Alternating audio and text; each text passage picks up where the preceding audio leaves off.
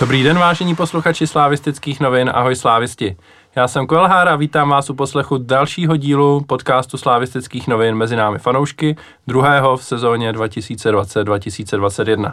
Hlavní téma je dnes jasné, natáčíme v úterý v podvečer a už víme, s kým bude hrát Slávia playoff ligy mistrů, respektive zúžilo se nám to na dva týmy, které se spolu utkají ve třetím předkole ligy mistrů a hlavně o tom, Eh, o losu, ale také o eh, prvních dvou kolech ligy, které Slávia zvládla. Skutečně skvěle si se mnou dnes budou povídat Vlajkonoš. Ahoj slávisti. Alanor. Zdravím všechny. A Alois Veliký. Ahoj slávisti. Tak. Já bych si na začátek rád vzal slovo a jménem všech slávistů bych popřál k dnešním narozeninám legendě Slávě Praha Standovi Teslovi. Stando, všechno nejlepší. To je zajímavý, já jsem nevěděl, že tady máme Oju v předstrojení teda. to jsou, jsou všude, tak přidávám se gratulace. gratulace Ale samozřejmě taky gratulujeme e, současnému vedoucímu e, hráči v pořadí tabulky střelců ligy. Byť se o to dělí teda s Lukášem Julišem, ale... A na potom už Béře. A Ondra Kolář se tam hodně tlačí. jo, no. Nicméně k tomu se všemu dostaneme ještě a pojďme začít tím losem ligy mistrů, protože to je to nejaktuálnější, co co teď máme k dispozici. Eh, Slávia teda bude hrát eh, buď s dánským mistrem Midtjyllandem, Vlajkonož se tady na mě tváří, jako že umím dánsky, ale neumím, ale to jsem si typnul, jak by se to mohlo vyslovovat. A nebo se švýcarským mistrem Young Boys Bern. A rovnou se vás zeptám, co na to říkáte, Vlajkonoši? Já jsem překvapený z té plynulý dánštiny, kdybych to byl býval věděl, jak jsme si tě vzali na výjezd do Koreně sebou, aby se nám tam překládal. To mě malinko mrzí, že jsem to nevěděl dřív. No, já bych si na začátek zeptal tebe, co na to říkáš ty? To je, to je hezký od tebe. To si nečekal, to, to jsem nečekal. Eh, no já jsem zklamaný samozřejmě, protože je to nejhorší los, který jsme mohli dostat. Eh, eh, když se včera v pondělí to nalosovalo tak, že Midtjylland šel právě na Young Boys, tak jsem si říkal, to je fajn ty dva těžcí tam jsou jako společně a ta šance, že dostaneme někoho těžkého se jako snížila. No bohužel nám to stejně nepomohlo a toho těžkého jsme dostali teď. A ať už to bude Midtjylland anebo Young Boys, tak si myslím, že to nebude nic jednoduchého. Na druhou stranu si pořád myslím, že Slávia rozhodně nebude outsiderem a buď bude mírným favoritem, anebo to bude vyloženě 50 na 50. Ostatně 50 na 50, jak jsem se koukal, je právě ten zápas eh, mezi Midtjyllandem a Young Boys.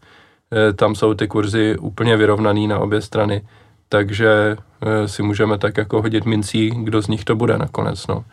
Jako mohlo to dopadnout o hodně líp, co si budeme nalhávat, a na druhou stranu, jak to úplně nemám rád, tohle rčení, tak je fakt, že pokud chceme hrát ligu mistrů, tak lehčí soupeře než tihle tam nepotkáme stejně, jo, takže je to takový dobrý trénink na to, jestli na to v tuhle sezónu máme nebo ne. A tím, že se bude hrát na dva zápasy a nejenom na jeden, tak eh, se přeci jenom maličko snižuje ta šance, že do toho vleze nějaký štěstí a rozhodne to celý nějaká náhoda.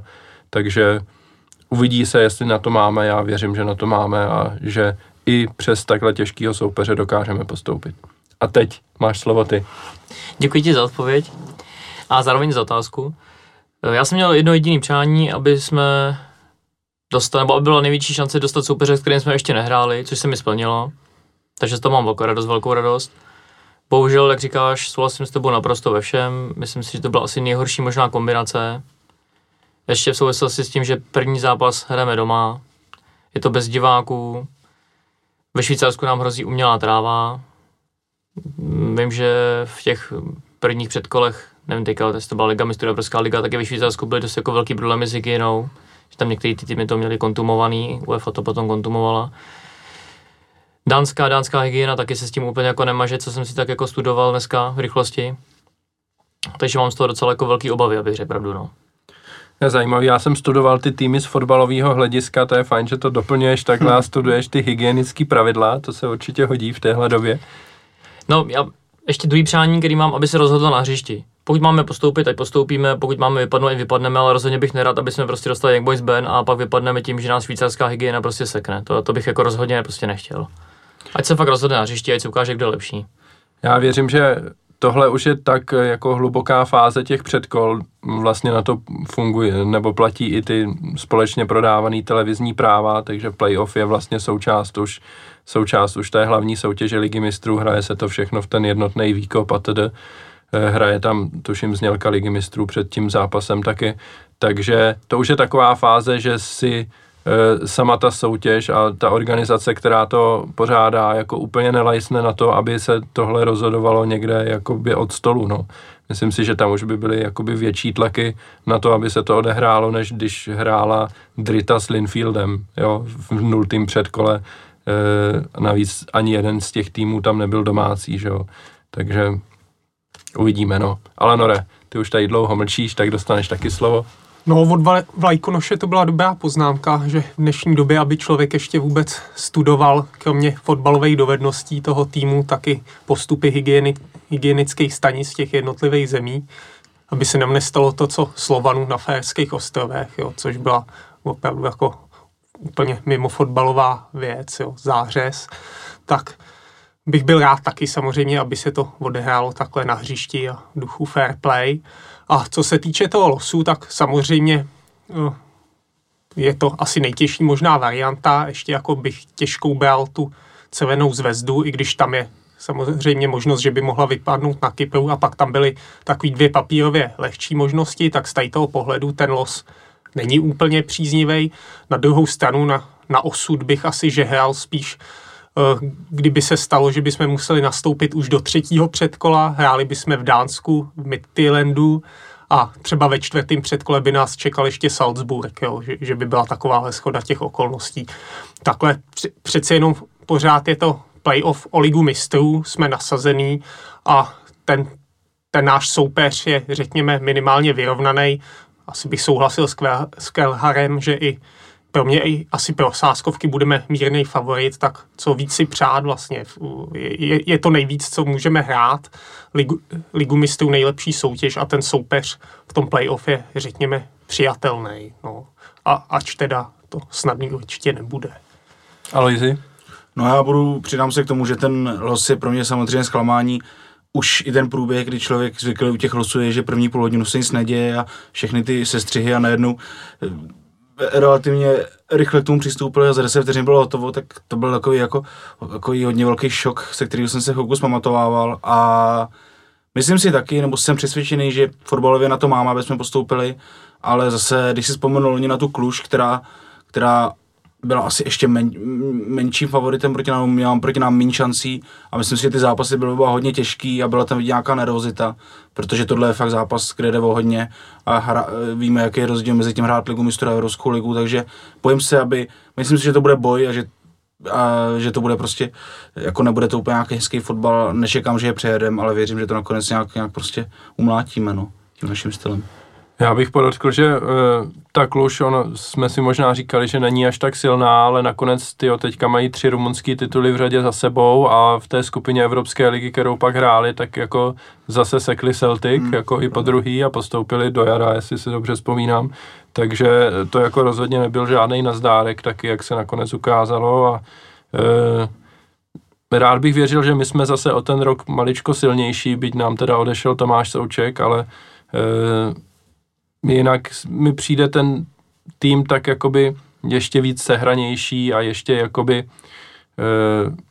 líp fungující, když jako to není tím, že nám jako odešel Souček a proto líp fungujeme, ale spíš navzdory tomu e, to na tom hřišti pořád jako vypadá dobře a možná i chvilkama čím dál líp. E, hodně se rozjel provod třeba, že jo, k tomu se taky dostaneme, že to dotáhla až do repre e, a vypadá na hřišti velmi dobře.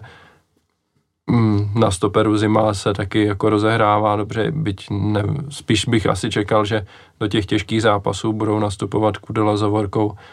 Takže e, věřím tomu, že e, proti těm soupeřům máme hodně dobrou šanci, zvlášť když se člověk podívá, že třeba dánský mistr nehrál skupinovou fázi ligy mistrů nikdy a skupinovou fázi Evropské ligy jednou, ten klub, jo, zatím, byť jako je to relativně nový klub, ale Evropu už hraje pár let a nikdy až na jednu možnost, tuším, že v sezóně 15-16 se do skupiny nedostali.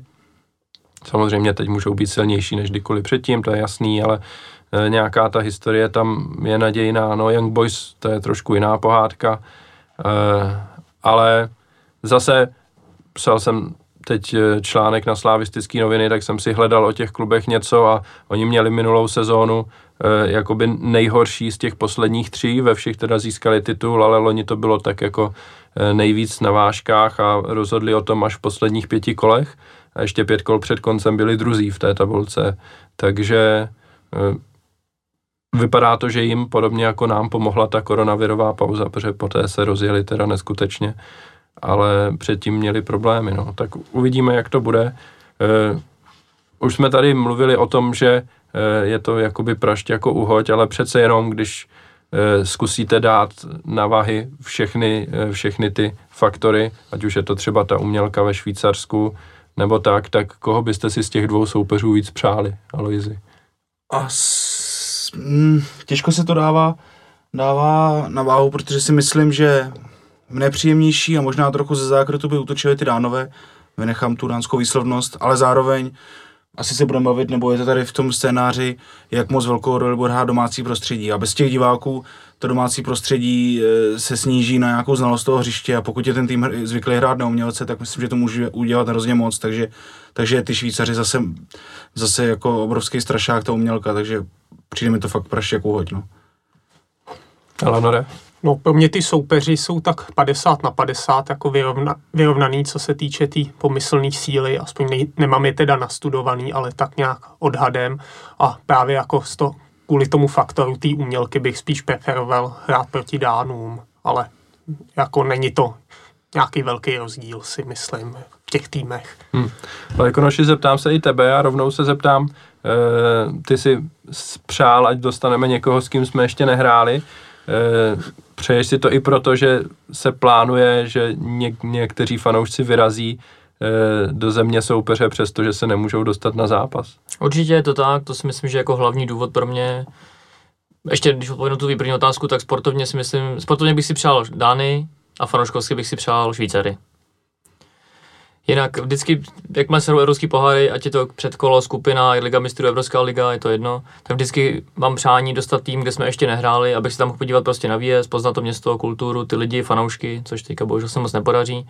A pak nám zase naopak Fedenu, že prostě přivítám nějaký jiný fanoušky, zase jiný tým, hledám si o těch týmech informace o těch zemích a to mě prostě jako baví. No.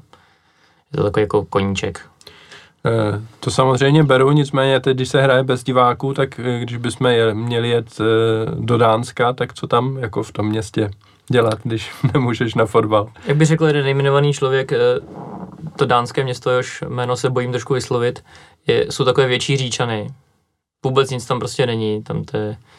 Takže něco jako Henk? Je to, je to součást, nebo ten klub hraje v městě, které se jmenuje Henning, je to asi tisíc kilometrů od Prahy autem nemusí si trajektem dát se dojet jakoby po silnici přímo až tam, ale prakticky vůbec nic tam není. Že pokud by to chtěl někdo vyloženě na výlet, tak v Dánsku nějaká jiná města, nebo v Německu třeba do Hamburgu a tak, dá se jet si přes Berlín, ale v tom, městu, v tom městě je prostě jedno malý náměstí, kostel, to možná i Henk jako byl turistický velkoměsto oproti tomu. No. No a pak teda Bern, to jako to je pecka, to opravdu doporučuji, myslím, že Ondro, ty tam asi byl. Byl jsem v Bernu, taky můžu doporučit. Hm. Nebyl, jsem, opravdu, nebyl jsem na stadionu, ale město je to To mi dneska taky jeden nejmenovaný člověk ukazoval, to je, ten to nazval švýcarský český Krumlov. To, to docela sedí, bych řekl, no. Že Říčany versus Český Krumlov. No. Takže z hlediska, z hlediska turisty, když to řeknu takhle blbě, tak bych určitě jako volil Švýcarsko. No. Je pravda, že Bern, ačkoliv je to hlavní město Švýcarska, tak je jako hodně malý. Tam jako člověk prochodí tento centrum víceméně pěšky. Za chviličku, no. Za chviličku a nic moc, jako je tam kolem té řeky se tam dá nějak trošku. A je to zhruba asi o 200, 200 km plus minus blíž, no. No. Samozřejmě ještě otázka, co se do té doby změní, jak v České republice, tak v té zemi, kde budeme hrát, z hlediska příjezdu, vjezdu, odjezdu, z hlediska těch testů a takhle to člověk jako dneska jako neví a může to být docela i velká loterie. No.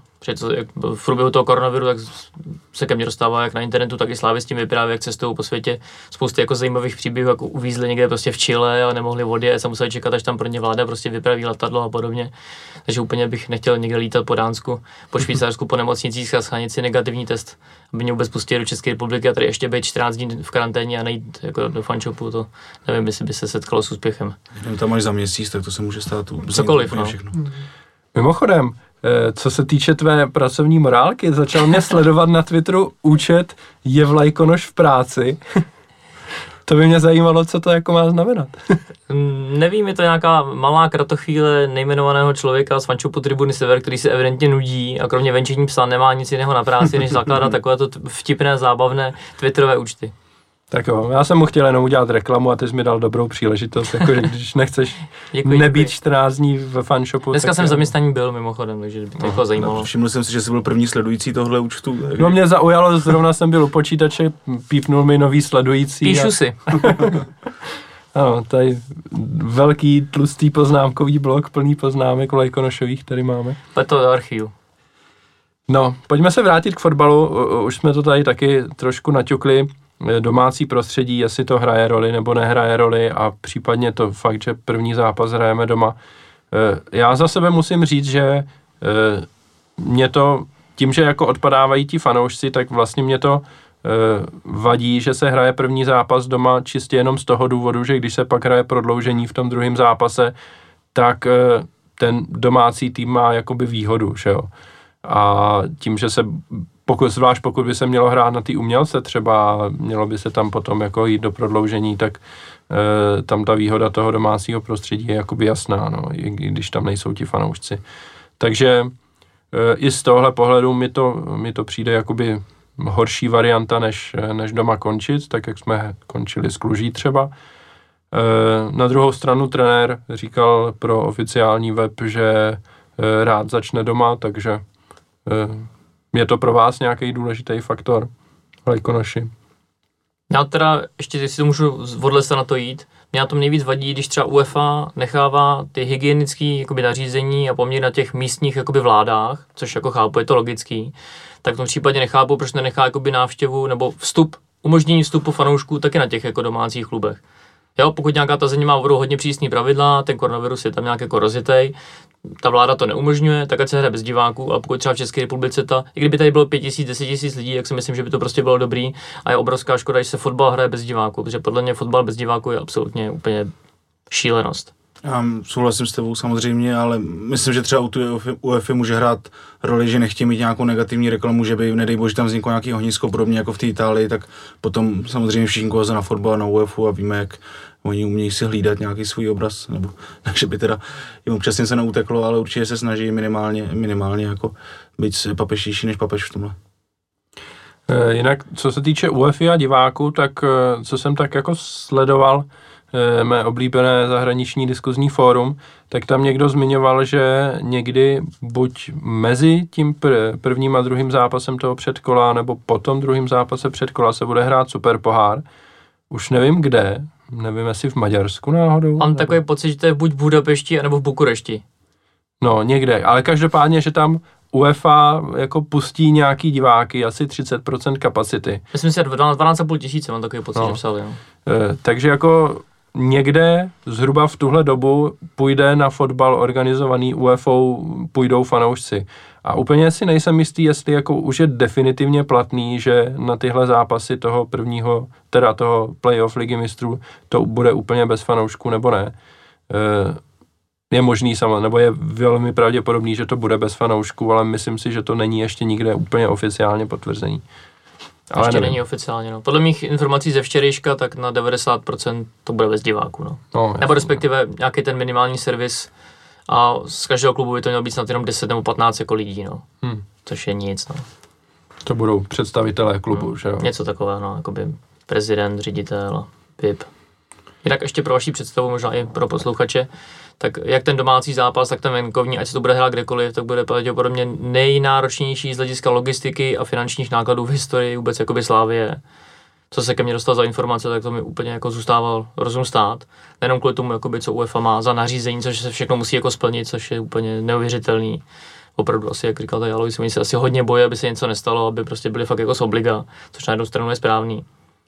A na druhou stranu Slávy si vzala příklad ze Slovanu Bratislava, který jel na Farské ostrovy, před odletem měli negativní testy, přiletěli tam pozitivní testy, přiletěl tam druhý tým, pozitivní testy, takže no, pak to bylo skontumovaný, po návratu oba dva týmy se vrátili, oba dva týmy měli všichni negativní testy, takže Slavě se tomu, tomu chce hodně vyhnout a dokonce tam padaly prostě varianty jako dvou letadel, dvou autobusů, tým rozdělit na dvě jedenáctky, aby v případě nakažení jedné mohla hrát ta druhá, takže dva hotely, teď hráči na pokoji, nemůže, když plácu, nemůže prostě být na jednom pokoji Stanču a Ševčík, aby oba dva odpadli, takže bude vždycky nějaký jakoby, dobrý hráč s nějakým horším. A teď tohle to jakoby dát jenom dohromady logisticky, to jako si dokážete představit, že to asi není úplně jako legrace. Ty tréninky, že odděleně jeden, jedna půlka na jedné půlce, druhý tým, druhá jedenáctka na druhé půlce, a finančně jako to jsou jako jednotky spíš desítky milionů. No. Hmm. Samozřejmě ten následný postup se jako bohatě zaplatí, že jo, to je výrazně víc než Evropská liga, teďka nevím, kolik jsou přesně ty, ty to myslím asi čtyřikrát nebo pětkrát tolik.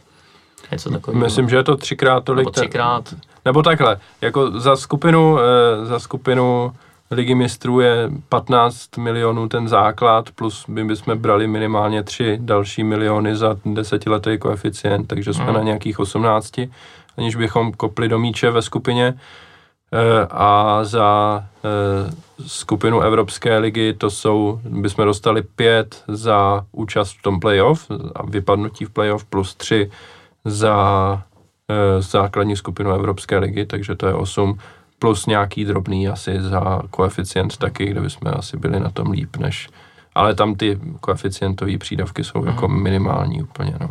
Jinak z toho finančního hlediska, když řeknu takhle blbě, bez té sportovní části, tak pro Slavě je priorita nastoupit, protože údajně podle mě informací by Slavě nenastoupil, tak nedostane vůbec nic. Hmm. Jo, tam jde o to aspoň nastoupit do hmm. toho, pak může třeba vypadnout, nebo ten druhý zápas se může nějaký důvodu kontumovat, nebo něco, ale jakmile Slavě nastoupí, dostane nějakou tu minimální část za tu účast v tom, v tom playoff. No. Plus domácí zápas, když ještě se dostanu k Edenu, tak tam bude sektor, nebo sektor, celý stadion bude rozdělen na několik prostě koridorů, kdy bude striktně jasně daný, kdo kam může přesně chodit, bude to jako hlídaný prostě sekuritkou, budou tam, bude to hermeticky prostě uzavřený, týden, 14 dní předtím hráči prostě mají být úplně bez rodin, oddělený prostě zase dva týmy na dvou hotelech, prostě jako no, bude to masakra asi, no. Hmm. Což taky si myslím, že může mít další vliv na ty hráče psychicky, že jo, někomu je to jedno, někdo třeba bez dětí, že jo, je to pro ně dlouhá doba, takže jako doufám, že to všechno zvládneme jako ve zdraví a že to dopadne dobře. No. Uvidíme. Na druhou stranu si myslím, že něco podobného musí určitě řešit i ty týmy soupeře a e, prostě tahle doba je taková, že hm, nikdo si asi nelajsne nic riskovat, když se jedná o 15 milionů eur za skupinu ligy mistrů. No. Je asi lepší ty náklady tam nějak, jako nějaký vrazit a mít to trošku větší jistotu. Ale to smutný, že prostě místo, aby se soustředil ten fotbal v úvozovkách čistě, tak se musí řešit tady nějaký logistický ubytovávací a takovéhle podobné jako věci. No. Jasný. V případě, že by Slávia nepostoupila do ligy mistrů, považovali byste to za nějak jako velký problém pro klub, čistě z hlediska sportovních ambicí. Samozřejmě finanční hledisko je jasný, tam jako ten výpadek těch příjmů, teď jsme to řešili, že jo, je to asi 10 milionů eur rozdíl Eh, ten samozřejmě jako Slávia nenajde jen tak na zemi, a, ale čistě jako z hlediska sportovních ambic byla by základní skupina Evropské ligy v tuhle sezónu pro Slávii málo, Aloizi?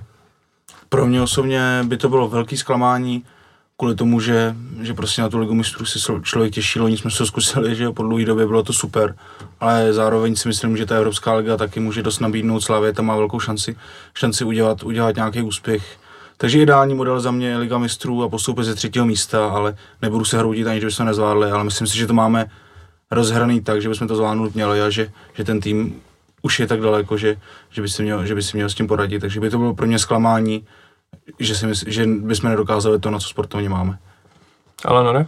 No, za mě by to taky byla velká škoda se tam nedostat tím, že opravdu ten soupeř je jako přijatelný, nejsme nějaký outsider a tím, že ten tým opravdu teď šlape a vypadá velmi dobře, no, tak bych to byl jako takovou zahozenou šanci, protože si myslím, že na tu ligu mistrů máme. Na druhou stranu, že by to měla být nějaká katastrofa, to, to, to by tak určitě nemělo stát. Jo. Určitě jako klub nemůžeme počítat s tím, že každý rok budeme hrát ligu mistrů. No. Ten cíl by, by měl být minimálně ta skupina Evropské ligy a když by se to podařilo, tak není důvod se hroutit. To už máme teď zajištěný a jak říkal Alois, tak uh, i v té Evropské lize se dá dosáhnout na zajímavý sportovní cíle. Jo. Takže byla by to škoda tím, jak jsme na tom dobře, ale při nejhorším by nezbylo než to akceptovat a nebyl by důvod se hroutit. Vlajko naši, jak ty to vidíš? Když jsem se bavil s trenérama, tak jejich ambice, cíle a všechno to úsilí, které tomu věnují, tak jsou jednoznačně prostě postup do základní skupiny ligy mistrů a do, šlapou do toho prostě horem dolem a dělají všechno pro to, aby jsme tam postoupili. Takže z hlediska klubu, když to řeknu takhle stáhnu na trenéry, jak si myslím, že to je jednoznačný, to je ta základní skupina. Když řeknu jako svůj názor čistě, tak určitě, jak říkali tady kluci, žádná tragédie by to nebyla, podle mě. Samozřejmě záleží na tom průběhu těch dvou zápasů, jako kdyby nás dvakrát vyklepli 3 abych se asi jako trošku ťukal na čelo, jako co se děje, někdy nějaký otazníček. Pokud to budou dva vyrovnané zápasy prostě a vypadneme, tak si myslím, že se jako nic neděje. Základní skupina Evropské ligy bych řekl, že je úplně jako pro nás přijatelná a celkově si myslím, že v posledních letech i nějaký krátký horizont jako do budoucna. Si myslím, že Slávě je momentálně klub, který by měl každý rok hrát evropský poháry, buď základní skupinu ligy mistrů nebo základní skupinu Evropské ligy. Tak, já bych to viděl hodně podobně, no. Taky bych neřekl, Takhle, kdybychom dostali ty, eh, ty slabší soupeře, kteří se tam nabízeli, tak to bych, eh, to bych eh, byl hodně zklamaný, kdyby to nevyšlo. Když to nevejde přes třeba Young Boys, tak si člověk řekne, to je klub, který je víceméně na úrovni Slávě, jo, sportovně a asi bych to tak jako viděl prostě, že český mistr, švýcarský mistr by se měli být schopni jako měřit jako rovnej s rovným a jednou vyhraje ten a jednou onen a když zrovna nám to nevíde, tak to není tragédie. Takže z tohohle hlediska bych to, bych to viděl taky stejně. Plus e, samozřejmě chápu, že všichni chtějí hrát ty, e, nebo trenéři, hráči, všichni v klubu chtějí hrát ty jako super obří zápasy proti těm velkoklubům evropským, světovým. Ta Evropská liga za mě má taky něco do sebe, já už jsem to tu říkal několikrát, prostě ti soupeři, byť tam nejsou třeba tak super silní, ale naopak je tam jako výrazně vyšší šance udělat nějaký dobrý výsledek a e, už jsme si užili jako euforii z toho, že se uhraje bod na Barceloně, anebo že se jako se ctí prohraje v Dortmundu zase nějaký výhry pozbírat v Evropě by taky nebylo úplně od věci, no, takže uvidíme, jak to bude. Tak jestli nemá nikdo... No, ono nám to prostě ukáže čas, no, ono prostě no. můžeme za měsíc vypadnout a budeme prostě zklamaný, budeme si říkat, že to je tragédie, no, ale pak můžeme udělat krasou jízdu v Evropské lize, ale že nás zastaví někde Chelsea prostě ve čtvrtfinále, semifinále, no a pak po sezóně budeme úplně nadšení, že to byla jako pecká sezóna. Ostatně jako tehdy, když jsme vypadli z Dynamo Kiev, že jo, Přesně tak, byla no. jako úžasná sezóna. Což si myslím, že v tu, samozřejmě teďka už nevím, už to je nějaký ten pátek, ale myslím si, že i v tu dobu s tím Dynamkem, že to bylo taky zhruba jako 50 na 50, no. Samozřejmě je jako výrazně jako zkušenější, silnější prostě v zákulisí, že jo. Tam jako to asi těžko se s tím něco udělá, ale tak myslím, vidím to zhruba stejně, jako říkal Ondra, no. Jak ty Dánové, tak ty Švýcaři jsou podle mě plus minus na naší úrovni a věřím tomu, věřím prostě trenérům, že dokážou ten tým připravit na to, že minimálně budeme hrát dva vyrovnané zápasy a věřím tomu, že budeme lepší a že postoupíme. Já souhlasím s tebou s tímhle, ale když se vrátím k tomu Kijevu, to je tým, já dva roky zpátky, si to říkám, tak dneska jsme prostě o tolik lepší, že si myslím, že už musíme chtít do ty ligy mistrů a tehdy bychom tam možná nic neuhráli a bylo by to naprd, a teď věřím, že už jsme v té fázi, kdy tam můžeme něco uhrát a ještě při troše štěstí na los ještě lepšího než loni. A myslím si, že ten tým pokud eh, je to taková zasloužená odměna za to, jak stoupá, protože to zlepšení i oproti začátku minulé sezóny, sice s Tomášem Součkem, ale kolik hráčů, který tady dneska pořád jsou, se zlepšili, že Stanču je prostě mnohem lepší, Ševčík, Kolář je zase o něco lepší, krajní věci, ten tým jde furt nahoru a podle mě prostě by to mělo vyvrcholit v téhle mistrů, no. Přesně jak říkal Ondra na začátku, no, jsme daleko silnější, vyzrálejší a mnohem, mnohem zkušenější. Jak z evropských pohárů, tak zase tou další sezónou, tak někteří hráči jakoby z reprezentací a podobně tak a já si myslím, že ty zkušenosti by jako měly pak hrát roli, zvlášť pokud jsme hráli s tím Midtjyllandem, tak prostě oni ty zkušenosti nemají, my jo, a tam bych si fakt myslel, že bychom měli být minimálně mírný favorit na postup. No. Uvidíme, jak to dopadne. Ten zápas e, mezi Midtjyllandem a Young Boys se hraje e, od středy za dva týdny 15. vlastně. Myslím. 16. 16. 16. E, takže to by určitě bylo fajn, kdyby to nějaká česká televize vysílala, nevím, asi to nikdo nekoupí, ale nějaký stream třeba podívat se na to, co nás čeká. E, rozhodně, co jsem slyšel, tak Midtjylland e, teď vyhrál na hřišti Ludogorce 1-0, to předchozí předkolo a že jako to bylo zasloužený, že prostě byli lepší než, než tým Pavla Vrby. Na druhou stranu být lepší než tým Pavla Vrby, to zvládáme i my celkem dobře. Takže to samo o sobě asi nemluví taky o mnohem. Trocha pavoučího hedu. No nic, tak já myslím, jestli nemáme nikdo nic dalšího k losu ligy mistrů, tak můžeme ukončit náš první segment a po krátké přestávce se přesuneme k lize.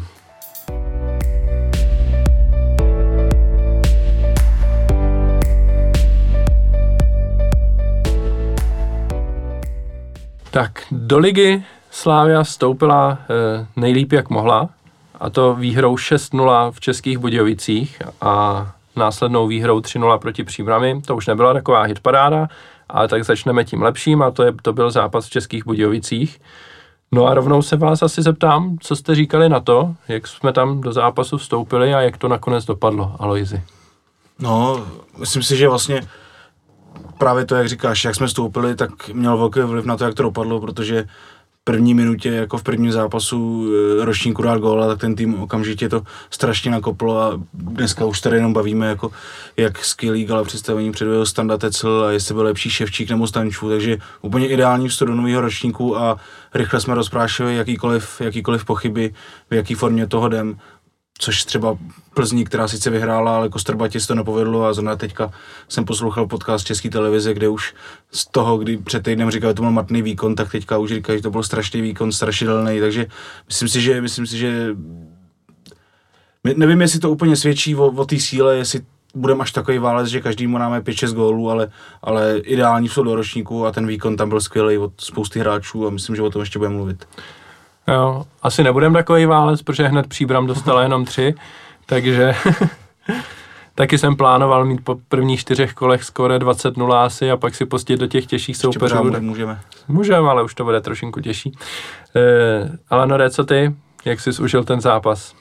Byl to jeden z, z nejlepších zápasů za to, co Slávy sled, sleduju. Samozřejmě, že se to nedá srovnat s nějakýma vypjatýma, těžkýma vítězstvíma, se zvučnějšíma soupeřema, ale jako takovou jízdu člověk moc krát nevidí. Nečekal jsem to, ty Budějovice přeci jenom minulý ročník byli nepříjemný soupeř, ale na, nám ten zápas set, už, už ten úvod, kdy po pěti minutách vedete 2-0 a myslím, že nám seděl i, i ten způsob hry soupeře, hmm. kdy vlastně Budějovice dá se říct, že hráli dobře dopředu, hráli hodně otevřeně, ale ty svý šance nedali a naopak vzadu hráli na riziko a minimálně tam měli jednoho nového stopera, možná i krajního hráče a vzadu jim to haprovalo, že dělali velké chyby a Slávě to testala, takže pro diváka to byl jako pěkný otevřený fotbal a tuplem pro slávistu to bylo příjemný, že ty góly dávala jen Slávě, která teda samozřejmě byla výrazně lepší. Vlajkonoši, byl jsi v Českých Budějovicích? Nebyl jsem, ale co jsem tak slyšel, tak v Českých Budějovicích bych chtěl žít každý, kromě mě teda.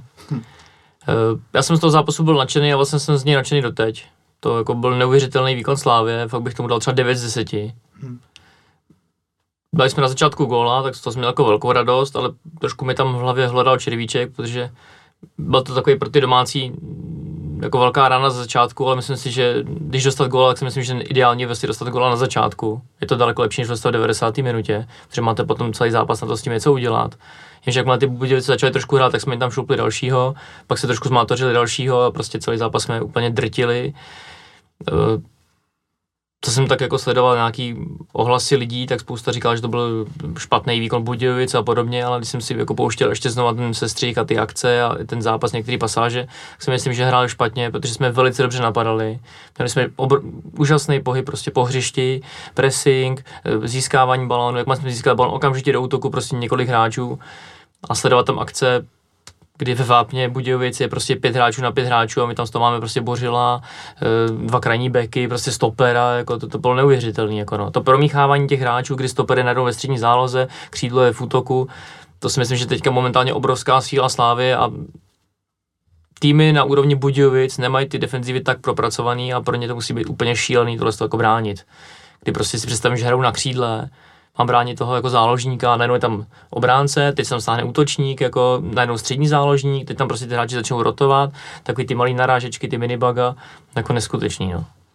No, už to tady uh, trošku si naznačil, já bych rovnou vznesl téma Jan Bořil, protože to samozřejmě v tom zápase v Českých Budějovicích dal gol po rohu, ale uh, už to bylo vidět na jaře, nebo je to vidět jako další dobu, že se uh, jako tlačí do útoku, konec konců na podzim dával gol Barceloně, že jo, dával gol Kluži, takže uh, je vidět, že jako má útoční choutky a teď ještě v té lize proti těm slabším soupeřům to jakoby víc vynikne, kdy on je vlastně půlku času někde ve vápně soupeře, což je úplně neskutečný z pozice krajního beka. A je to přesně tak, jak říkáš, no. Já myslím, že pro tu, pro tu obranu soupeře, kde prostě asi jejich křídlo má bránit našeho krajního beka, tak to se brání blbě, když, to, když náš krajní bek je jakoby ve vápně a tlačí se tam do zakončení tak e, asi těžko ho může bránit křídlo, že jo? A když už ho brání, tak pak tam zase jako chybí vepředu a když e, to ubránějí, tak jako nemají jak nás ohrozit, protože tam nemají vepředu žádný hráče, no. No to jako, fakt, když si představím z pohledu toho týmu proti Slávy, tak to je šílený, jako buď bránit hráče, nebo bránit jako prostor, fakt jako i teďka proti ty Šíbrami, kdy to nebylo tak jako masivní proti těm Budějovicím, tak ten pohyb těch hráčů je opravdu jako a přijde mi, že to není náhoda, že fakt to s těma trenérama jako trénovali a že pořád se v tom jako zlepšujeme čím dál tím víc. I si myslím, že to je možná tím částečně, že zkoušeli třeba to 3-5-2, že to je nějaký prolínání nějakých systémů. Z tohohle, jako z toho pohybu těch hráčů mám největší jako radost, to musím říct, že to je fakt super. Protože to přináší obrovský šance, tlak, ty týmy takovýhle slabšího jako charakteru typu Udějovic, Příbram se prostě bojí rozehrávat ty balony, bojí se ho zpracovat, protože ví, že okamžitě mají na krku prostě dva, tři hladový hráče. Neuvěřitelný, no. Jo, souhlasím s tím, jednak nejdřív na ten pohyb, že je super, že letos jsme to načasovali dobře na začátek sezóny, ale o tom mi trenér mluvil, že ty první kole trochu jako v úzovkách obětoval tím, že máme horší pohyb, aby jsme zase tu formu časovali až na to předkolo. Teďka od začátku o to šlapem a myslím si, že minimálně do toho předkola nám to vydrží. A k tomu, k tomu Honzovi Bořelovi, to je, bavíme se o tom, jak se tady naši hráči zlepšují a můžeme vzít kohokoliv, ale to na Honza Bořel ještě tři roky zpátky tady seděl na levici za Michalem Friedrichem a Pergelem Flo, Flem, nevím, a dneska jako je to hráč základu reprezentace a to sebevědomí z něj jenom stříká to, co si dovolí, nebo to, jakým způsobem je schopný podporovat ten útok von i, i coufal, to je úžasný prostě. A může se bavit o komkoliv z, tom, z toho kádru, vzít ho rok, dva zpátky a dneska prostě jdou furt nahoru a úžasný. No tohle je krásný, promiň, jenom v rychlosti. Jak jsme, si, jak jsme řešili tu pozici Slavy Evropské poháry, tak přesně když odcházel Tomáš Souček, tak jsme si říkali, tak kdo tady bude lídr na hřišti? A myslím si, že moc lidí jako by třeba řekli Bořil, že jo, protože to jako, jako dělá ty srandičky v té kabině a tohle, ale jako na hřišti si myslím, že by to jako nikdo moc nesadil a najednou je prostě Bořil lídr na hřišti. Jako ale suverénní prostě. Hmm. Podporuje, pod, maká, dře, nic nevypustí, útočí, podporuje ostatní hráče. Skvělý, hecuje fanoušky, jako bomba. Jsem fakt rád, že takovýhle hráče máme v kádru a vůbec bych řekl, že i na druhé straně Vláďa Coufal, myslím si, že krajní beci jsou teďka momentálně jeden z našich nejlepších hráčů v sestavě. Ale no, ty se zhlásil? No, já na tom vidím, že jsme zase o rok dál, o, rok dál té práce tohle trenérského týmu a vlastně Tepišovský si ten manšaft přizpůsobuje tomu obrazu svýmu, jo. Že, že si tam vlastně dovede ty hráče, který můžou hrát tenhle náročný fotbal, rotovat, jo. Řekněme třeba, kdy, když jsem i já pochyboval v zimě o odchodu Hušbauera a Škody, tak teď hmm. se to ukazuje prostě jednoznačně jako správná věc, protože zrovna tyhle dva hráči by asi do, do tohle systému zas tak nepasovali. Jo. Neříkám, že jsou horší nějak výrazně než ty, ale prostě teď ta Slávě vypadá opravdu jako sehraná mašina do posledního šroubku a už je tam vidět, že ten tým je opravdu sestavený skoro k ideálnímu obrazu toho trenéra. No, já se jenom přidám k tomu, že ti hráči, konec konců se to, jsem to i tweetoval v souvislosti právě s provodem, že se dostal do reprezentace, že prostě je vidět, jak oni se zlepšují pro těma trenérama a to je nakonec vlastně to úplně nejdůležitější a na čem, na čem může být ten klub jako stabilně dobrý i do budoucna, protože samozřejmě žijeme v nějaké ekonomické realitě a ty hráče budeme muset časem prodávat, ale prostě prodáme někoho, zabudujeme někoho dalšího a máme jako velkou pravděpodobnost, že pod tím trenérem se zlepší a bude zase prodejný za dobrou sumu za nějaký rok nebo dva.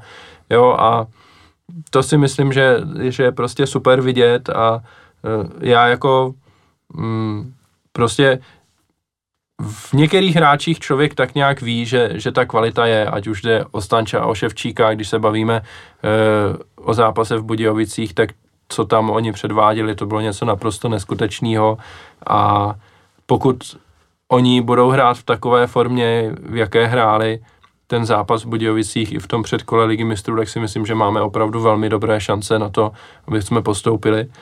Eh, ale zdaleka to jako nestojí jenom na nich, jo, i ti hráči kolem nich pořád prostě, tam není slabina. Teď aktuálně prostě v té základní jedenáctce si myslím, že prostě není jediný hráč, u kterém by člověk si řekl, jo, jako ti ostatní to za něj odmakají a, a bude to nějakým způsobem dobrý. A i prostě na, na tom postu třeba e, posoučkovi, ať už tam hraje Holeš nebo Traoré, tak to nikdy není jakoby jenom průměrný výkon, ale ti hráči prostě tam přinesou něco, konec konců Holeš dal gol jako střídající hráč v tom e, zápase v Českých Budějovicích, ten šestý. A Traoré se mi taky líbí teď na začátku, má tam taky prostě co dát a Čímž neříkám, že kdyby tam nepřišel třeba ještě o malinko lepší hráč, o kterém se taky třeba budeme bavit e, za pár minut nebo desítek minut, tak by to nebylo ještě lepší, ale e, to předjímám. Ale i tak prostě, tak jak je ten tým postavený teď, tak si myslím, že, že, je, to prostě, že je to prostě super. No. Jenom k tomu provodovi jenom jako faktická poznámka, že je to rok, co Plzeň nám opustila jako naprosto nepotřebného hráče a dneska, dneska je to prostě hráč základní sestavy naší a jeden na reprezentaci. Nevím, kdo z Plzně z krajních hráčů na, na reprezentaci, nebo vím nikdo. Takže, takže jako tady to zlepšení je naprosto jako bezprecedentní. No jako tím spíš bych se hodilo ocenit, když provod přicházel, tak vlastně ten jeho první půl rok jsme tady vždycky tak jako trošku kroutili hlavou, jako je mu 23, má vlastně první sezónu v lize, jo, už není nejmladší úplně a jestli to jako není málo trošku na slávy, ale zase prostě vidět, jak ti trenéři, oni v něm vidějí ten potenciál pro ten jejich fotbal. Třeba prostě pro Plzeň se nehodí a oni chtějí od těch krajních hráčů něco trošku jiného, eh, byť nevím, jestli od nich chtějí to, co jako tam zrovna Kopic předvádí aktuálně, ale eh, to je jedno, prostě neviděli, neviděli v něm to, co v něm viděli naši trenéři a sáhli pro něj a zase ten hráč prostě udělal obrovský skok dopředu, zaslouženě je v reprezentaci eh, a vůbec mu ani nezazlívám, že tam jako zabírá místo Jardovi Zmrhalovi. Já jsem slyšel, že Lukáš Provod má ještě jako velký rezervy a že si můžeme ještě na, na když na sobě ještě bude ještě víc pracovat, což je jako volně velice pracovitý hráč, tak se můžeme ještě hodně divit. Slyšel jsem o něm, že to je takový mix Jardy Zmrhala a Tondy Baráka. Což ta jeho postava a ten jeho pohyb na tom hřišti by tomu jakoby odpovídalo. A ten třeba za mě, když zlepší ještě trošku tu střelbu, tu přesnost, i třeba důraz v těch standardkách a takhle, tak si myslím, že bude, už teď je fantastický jako za mě. No. Tenhle mix už mu předurčuje, aby šel do nějakého týmu spodní části italské ligy a záchranu, to je nádherná, nádherná vidina. Já v něm vidím i trošku eh, Tomáše Součka, byť je to jiný post, trošku ale prostě no. tou postavou, tak když tam přidáme 10% Součka, tak už to bude lepší. Tak už je Premier League. no, ale jenom vlastně, jenom, jak o tom mluvíme, tak mě napadlo jenom zmínit uh, jeden postřeh, který měl včera Tomáš Serovátka v Tiki Taka, protože Slávy je vyčítaný, že vybírá to nejlepší z ligy a nikdo jiný si nic koupit nemůže, ale když se podíváme na ty hráče, co sem chodí, tak to často jsou skutečně hráči, který to Lukáš Provod, Helebrand, který měl pár zápasů zima, to není jakoby úplně za každou cenu jenom to, kdo v lize je dobrý, tak musí jít sem, ale že skutečně, skutečně je to pečle vybíraný tak, aby to mohlo sejít do toho systému a s potenciálem nebo s tou vidinou, že, že každý hráč, který tady je, tak za půl roku je za o něco lepší a za další půl rok ještě o něco, takže jako máme těch hráčů strašně moc, to bez zesporu, ale jako nepřijde mi fér, fér říkat, že si vyzobem, vyzobem všechno jenom, aby, aby jsme to měli skoupený. Já doufám, že Slávě se bude držet tohle z toho trendu a půjdeme proti produkt, že bychom měli z ligu kupovat to nejhorší, tak to si nedokážu představit, co bychom hráli. Já myslím, že to už jsme tady taky zažili, není to ani tak dávno, kdy jsme tady vyzobávali hráče, jako byl... A to jsme úplně ani nemuseli kupovat. No, Martin Fenin a Jan Vošahlík a teda, a byli jsme za ně rádi. Teda... Dávid Škutka a jeho sálovky. Ten jsem šel jako hvězda, to zrovna. No to. Super. To jsme se přetahovali ještě s někým. Sice nikdo jiný nebyl, ale přetahovali jsme se. Já teda ještě jeden postřeh, líbí se mi ten pohyb, ta střelba, zakončení, ten pressing, ty útoky a tohle, ale no, dva, dva zápasy nejsou úplně měřítko, ale přijde mi, že jsme výrazně nebezpečnější ze standardních situací. Jak Jo. rohy, tak jakoby standardky přímý, nepřímý, volný kopy, i takový ty naše prodloužený auty, ty, ty dlouhý vazování, tak asi zase tím lepším pohybem nebo důrazem, nebo jestli jsme cvičili nějaký signály. Fakt se mi to i tohle to líbí a což je zase můžeme hrát to playoff ligy mistrů, kde bude vyrovnaný dvojzápas, kde může rozhodnout třeba jedna standardka, takže jako proč ne?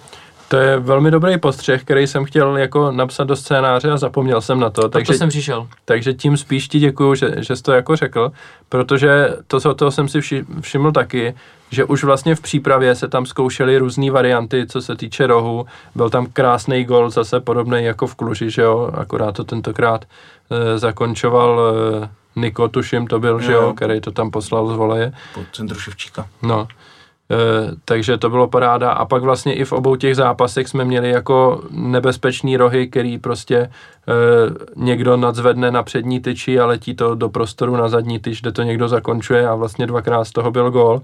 A to je prostě úžasná úspěšnost, že jo, asi je nereálný každý zápas dávat gol ze standardky, ale těch variant je tam víc a i jako v jiných případech jsem tam viděl nějaký signály, kdy se tam hráči jako pod- podivně nějak srocovali a pak odcházeli z vápna, zase se tam vraceli nebo tak.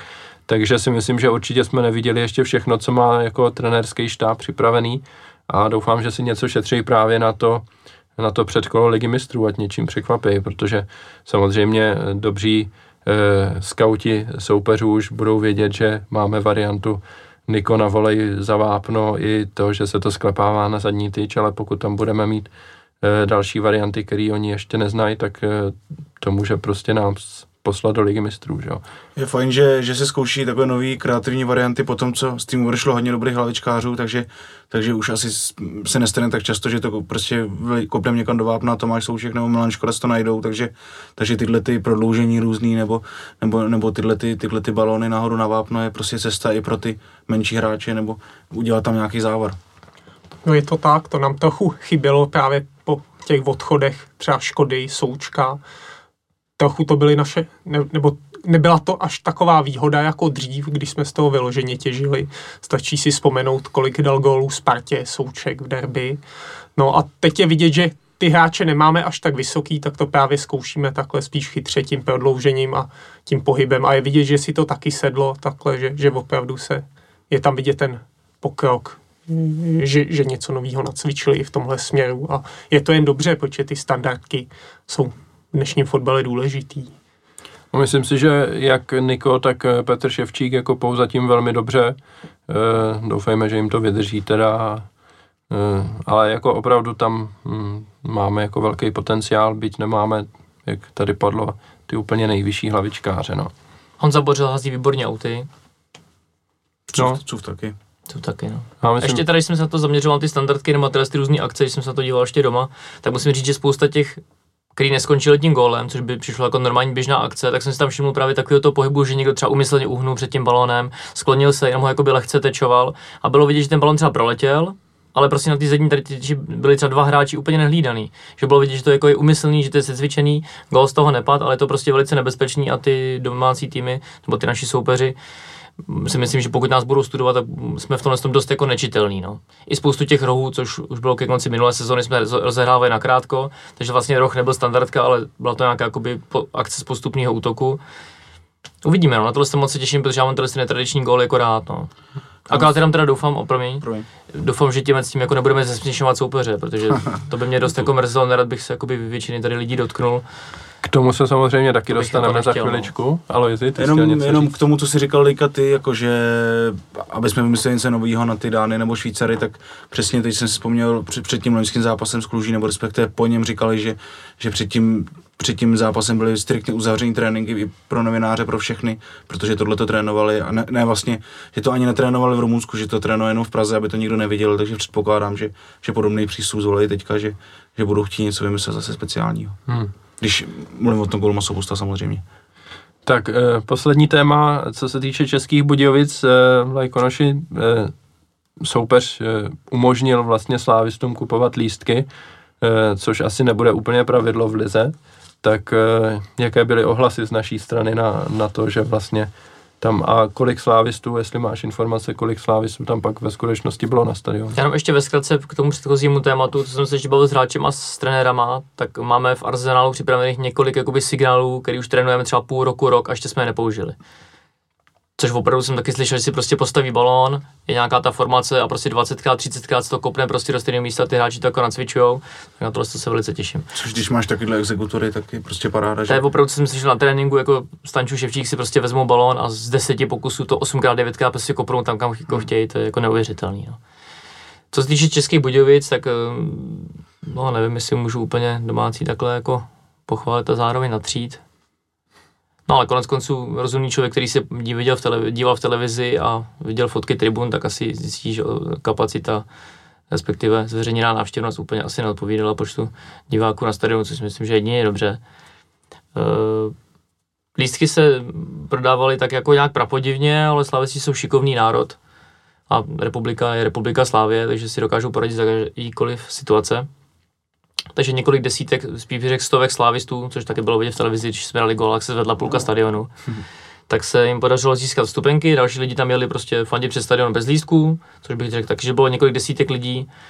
A při vyjednávání s místními prostě pořadateli, ani nevím kdo z vedení klubu, to jako nakonec odsouhlasil a za to jim si myslím patří jako velký poděkování, tak nakonec otevřeli sektor hostí, kam ty slavisti byli, byli puštěni, plus byl umožněn vstup slavistům z jiných tribun i s lískem na jinou tribunu, aby šli fandit jako společně do toho sektoru hostí, což za mě obrovský jako super krok a tleskám ve stoje, no. To, kež by se takhle k tomu stavili jako by jiný kluby, no. No, tak uvidíme, jak to bude dál. Eh, Nejbližší kolo hrajeme v Dělíčku s Pardubicema. Už jsou nějaké informace, co se týče lístků na tohle utkání. nějaké lehké kuse, omlouvám se panu Zbínkovi tam nahoru, e, informace už o toho jsou a protože se na Dělíčku a Bohemians jsou rodinný klub a mají jakoby plus minus pomáhají Pardubicím městou distribucí, tak tam žádné slavistické fanoušky nechtějí, takže se uvažuje jenom o nějakým směšným počtu 20-30 jako lístků do sektoru hostí a jinak tam udělají všechno pro to, aby se tam slavisti nedostali. Takže tak. doufám, že Bohemka zase bude krachovat a pak zase přijdou s kasičkama před Eden, aby jsme se na ně skládali. Tak uvidíme, jak to nakonec dopadne. Eh, Jak se říkal, slávisté jsou eh, chytrý národ, tak určitě si aspoň někteří lidé nějak poradí a dostanou se na stadion. Já si myslím, že se budeme ještě hodně divit. Jako vždycky, konec konců. Tak jo, eh, zápas s Českými Budějovicemi jsme probrali, takže si zase dáme předěl a pak se vrátíme ještě k zápasu s Příbramí.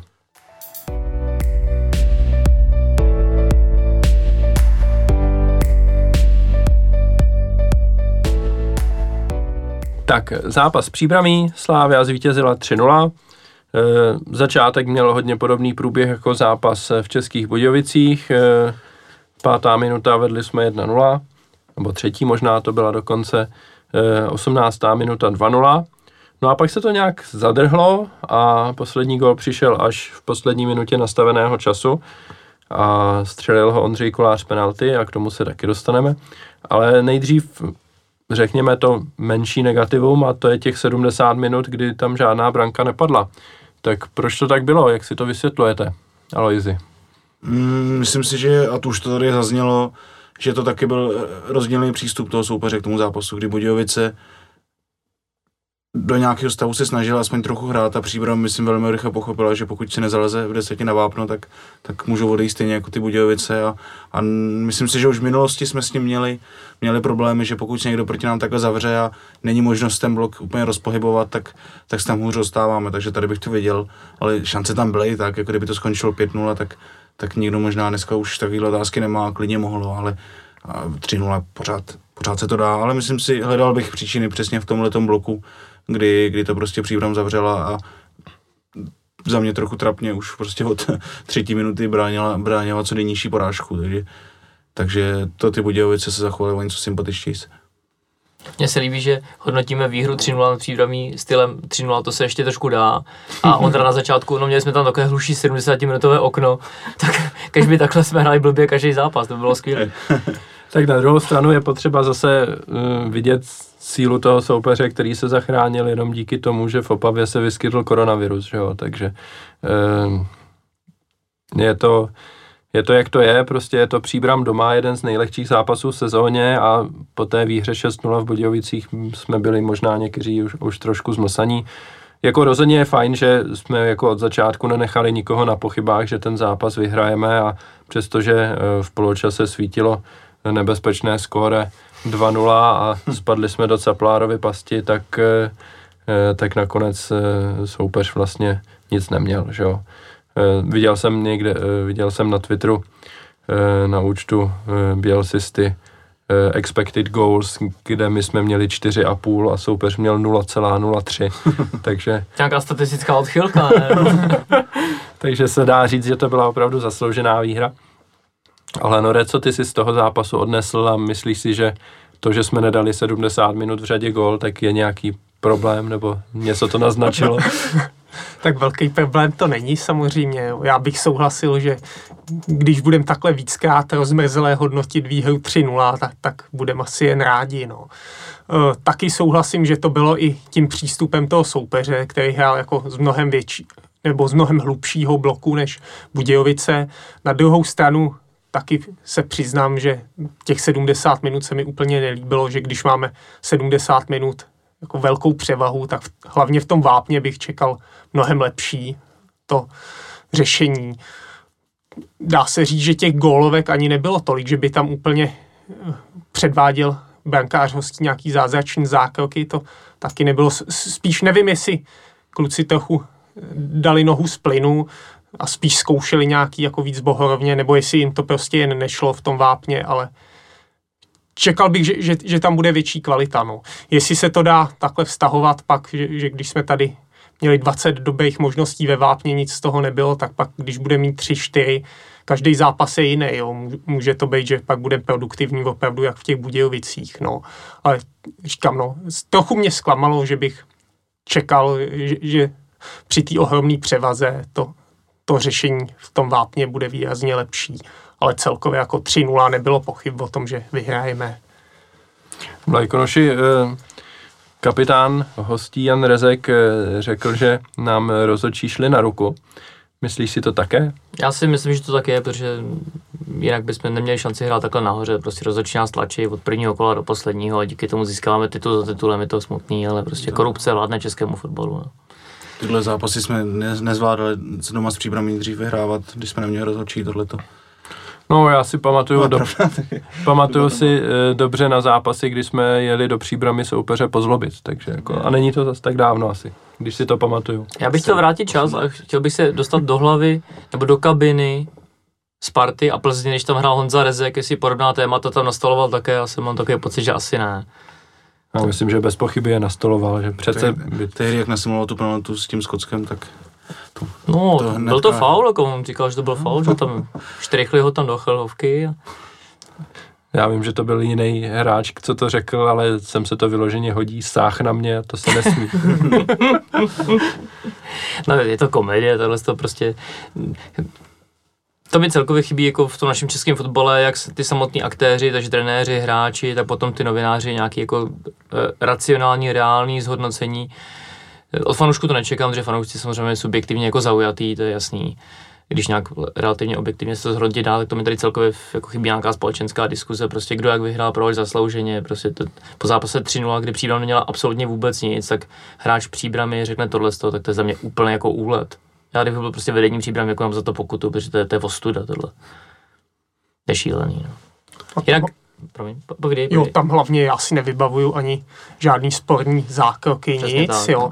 Může se bavit o té penaltě, že jo? No, ale tam ho asi štejch a i, i kdyby ji nevopi, neodpískal, tak, tak, tak je to úplně jedno, jo, ale tam 90 minut, jako tam vůbec nebylo co diskutovat, tam nebyl žádný sporný, nic, jakož by byla nakloněná rovina jako pro rozhodčího úplně snadný zápas, protože v podstatě Slávě kombinovala a příběhem se nedostala k míči. Jo. Zrovna na Ryska, tam myslím jako i rozhodčí celkem pozorně pískal ty fauly kůdely několikrát tam to, takže myslím si, že jako úplně výkřik mimo, takhle, jo. zvlášť teda když se koukneme, jak ty první dvě kola hodnotili rozhodčí Plzni, jo, takhle. Hmm. Tak. Je to fakt směšný, že to řekne takhle jakoby v vozovkách starý zkušený hráč, který už jako zažil tady prostě jednotky, desítky prostě sezon, tak to je úplně neuvěřitelný a hráč, který prošel Plzní a Spartou a řekne tohle, to je jako úplně, a hráč, který hraje za příbrám, tak to je úplně jako úlet, jako. Neuvěřitelně. Smrtící kombinace. Jak k té hluchý 70 minutovce, já si myslím, že tam bylo několik akcí a šancí, kde opravdu chybělo malinko, vteřinky, desetinky vteřinek, milimetry, centimetry, a kdyby jsem, jak říkal Alois, prostě vyhrali 5-6-0, tak někdo řekl ani popel. Jako. Z hlavy mě teďka napadá prostě Stanču, jak tam se směšnil asi 18 protiháčů. Vybagovali tam a zpátky, ještě si dal ty kafe prostě v Mekáči před stadionem. A pak mu teda Olenka sebral balón, jako kdyby střelbu, což tak jako vystřelil docela pěkně. Pak mě napadá eh, tam jedna kombinace, když tomu se to přehodil, byl na malém vápně, střílel tak jakoby v vozovkách doprostřed, to by šlo taky trošku do strany. Takovýchhle podobných akcí jsme měli třeba 4, 5, 6. Maso, masopust tam v Mas, Putovce ano, pálil ano, nás, masopust, no. masopust. Je pravda, že když jsem psal report eh, na slavistické noviny, tak to bylo pořád jako střela nad a střela doprostřed brány a brankář to chytil a pak zase nad a vedle. Takže těch střel tam bylo dost, eh, zařízení jsme tentokrát netrefovali možná až tak moc, jak by bylo záhodno, ale třeba si to jenom šetříme, no. Přijde Kaž- mi, že ten blok, příbramy jsme jako naopak v tomhle zápase, jak říkal, jsme s tím měli v minulosti problémy, jsme naopak docela dobře jako rozhýbali právě. No. Jo, já myslím, že ta převaha byla jako zřetelná a e, i jako s přihlédnutím k tomu, že vlastně jsme se nemuseli do ničeho velkého hnát, e, tak e, prostě jsme ten zápas naprosto kontrolovali, šance jsme si vytvářeli, takže doufejme, že to opravdu bylo jenom e, nějak jako lokální období neproměňování šancí než, e, ne- než něco jiného. A je to, pořád se bavíme jenom o dvou zápasech, to je No. strašně jako krátký období na to, aby jsme dokázali zhodnotit, eh, jak moc dobří vlastně jsme a tím spíš, že ti soupeři nejsou nějak úplně extra dobří. Potom ta velká síla toho týmu se ukáže, až to bude prostě po 80 minutách 0-0 a my to budeme prostě rozhodnout jakoby ke konci. No. Samozřejmě, Tak. když v obou zápasech po 20 minutách budeš 2-0, tak to se ti jakoby hraje o trošku líp, že samozřejmě sebevědomí jinde, že a tak podobně. Je to tak. Eh, Největším tématem zápasu se samozřejmě stala eh, penalta Ondřeje Koláře a následná diskuze nad tím, jestli jsme soupeře touto penaltou zesměšnili nebo ne. Takže za sebe říkám, že jsme ho nezesměšnili a naopak mi přijde zvláštní o tom diskutovat v době, kdy ten hráč zvyšuje z 2-0 na 3-0, protože by mi to přišlo daleko větší zesměšnění nebo téma na to, jestli to je zesměšnění nebo ne, kdyby jsme vedli 7-0 a přiběhl tam kolář to dát na 8-0. To by mi přišlo takový jakoby už trošku ne jako zesměšnění, ale takový jako možná trošku zbytečný porýpnutí si do toho soupeře ještě. A ta optika aspoň z, mý, z mýho pohledu je tam horší, než když je to v zápase, kdy ten soupeř to odbrání jako solidně, dostane jenom za 93 minut dva góly a pak prostě v poslední akci se pískne penalta, tak hold prostě to na 3-0 dá zrovna golman a ne někdo jiný, ale pořád jako si soupeř neodváží debakl, tak jako já v tom nevidím jediný jako nějaký jako důvod ze směšnění nebo tak, no. Já nevím, jak, nebo vím, že vy to vidíte asi stejně, ale co vůbec říkáte na to, že se tahle diskuze jako rozproudila? Aloizi. Eh, Podle mě nikdo jako příčetný, kdo viděl víc než jednou, jeden fotbalový zápas v životě, tak asi nemůže mít jiný názor, než tady říkáš ty, jako, ale zároveň si myslím, že ta diskuze samotná se rozpoutala spíš Viděl jsem pár lidí, kteří jako na tohle měli řeči, ale většina jako ty diskuse tvořily slávisti, kteří okamžitě přeletěli na obranu, na obranu jako toho, že jak někdo může tohle říct, takže si myslím, že ta diskuze tak trochu jako se živí jako sama sebe, protože si myslím, že těch lidí včetně soupeřů, viděl jsem, že Lukáš Pečně ze Sparty jako má stejný názor jako my tady a včetně, včetně France To mě trošku včera- děsí teda. včetně France Straky včera v Tiki Taka, že těch lidí, který, který jako vyčítají slávy nějaký ze, ze směšení soupeře, jako je, jestli jsou 4-5 a, a těch, který jako najednou, najednou se vy- vyletěli na obranu podle mě a slavisti myslím si, že trošku, trošku zbytečně už někdy startují a hledají všude nepřátelé, tak těch se objevily desítky, možná stovky, takže to je takový jako taková bouře ve sklenici vody, ale aspoň je o čem mluvit. No. Je pravda, že si taky myslím, že slávisti na sociálních sítích jsou hodně startovací a že možná víc klidu by neuškodilo, no, ale. No, já jsem jen chtěl říct, že nejvíc zesměšnil příbram Rezek ten, tím svým prohlášením teda. Pak zrovna jsem chtěl akorát říct, že to je opravdu jen taková bouře ve sklenici vody, jak už tady říkal Alois. Jako nic se nestalo a jen to ukazuje jako že, že aby se o Slávy aspoň napsalo něco kontroverzního nebo to, tak se musí řešit jako takovýhle v podstatě marginální moment. No. Já to souhlasím, protože myslím si, že čím dál víc lidem lezeme na nervy tím, že nám to tak jde, tak skutečně stačí jakýkoliv ťuknutí a, a jako myslím, že jakákoliv diskuze, která vyvolá kontroverzi kolem Slávy je vítaná. Teď jsme to, teď tady půl roku řešili hostování, než pan Tvrdík už to nevydržel a povolil těm hráčům hrát, tak myslím, že možná, jestli to bude řešit ještě týden, tak pan Tvrdík zakáže kolářovi chodit na penalty, nebo nevím, ale, ale že, že mi přijde, že každý jako se třese na to, že Slávě vždycky musí něco udělat špatně, tak rychle do nich. No, to je oblíbené téma v deníku sport, že oni mají strach, aby jsme nebyli jako, rea, jako, jako Bayern Mnichov, že jo, takže. Pluralita názorů. Ne, to byl to, to byl Koubek, kdo to tam psal, to, jako objevilo se to na stránkách deníku sport, ale není to názor redaktorů, zrovna tahle fráze s tím Bayernem Mnichov. Mně osobně to přijde úplně směšný, prostě vedli jsme 2-0. Takže se směšnění. Ano. Obrovský. ne, je to, nevím, prostě normálně hráč šel kopat penaltu a dal gól, jako no, a to, že to je brankář a Ondra Kolář, a když jsem viděl ten jeho výraz, prostě z tribun to nebylo vidět, a pak ty fotky úplně jak byl nadšený, tak já mu to neuvěřitelně jako přeju. Je to brankář, je to, vím, že většina brankářů má takhle prostě sen dát góla třeba ze hry, nebo, nebo prostě kápl to na penaltu a nevím, no, mě Ondra Kolář ani už nepřijde tolik jako brankář, prostě mě Ondra Kolář opravdu přijde jako libero, stoper, my prostě útočíme na Budějovicích doma s příbramí a on prostě stojí na půlce a tam prostě rozehrává jako. Asi myslím, že otázka času, až někomu dá gol skutečně přesně no. z té půlky, že přehodí golmana, to bude teprve zesměšnění, ale tímhle stylem, kterým hraje, to jako se musí stát zákonitě někdy. A fakt mi přijde, že zase ještě o trošku víc zapracoval na té kopací technice, protože to, co tam rozdává za ty balony, to je, On, on dostane zpětnou přirávku prostě skákající a on to bez zastavení z jedničky to prostě pošle na půlku, křižný balón, prostě do met, metr do běhu, jako ne, neuvěřitelný. No. Mně se líbí, líbilo teďka to video z repre, jak tam jako uh, hmm. nůžkama, nebo takovýma polonůžkama v letu zakončuje centr od Tomáše Součka, to bylo jako hodně efektní. To se mi líbilo jsem, jak to byli všichni pav a pak tam jako Tomáš Sirovátka a další slávy si napsali, no on to takhle dělal každý trénink, ale že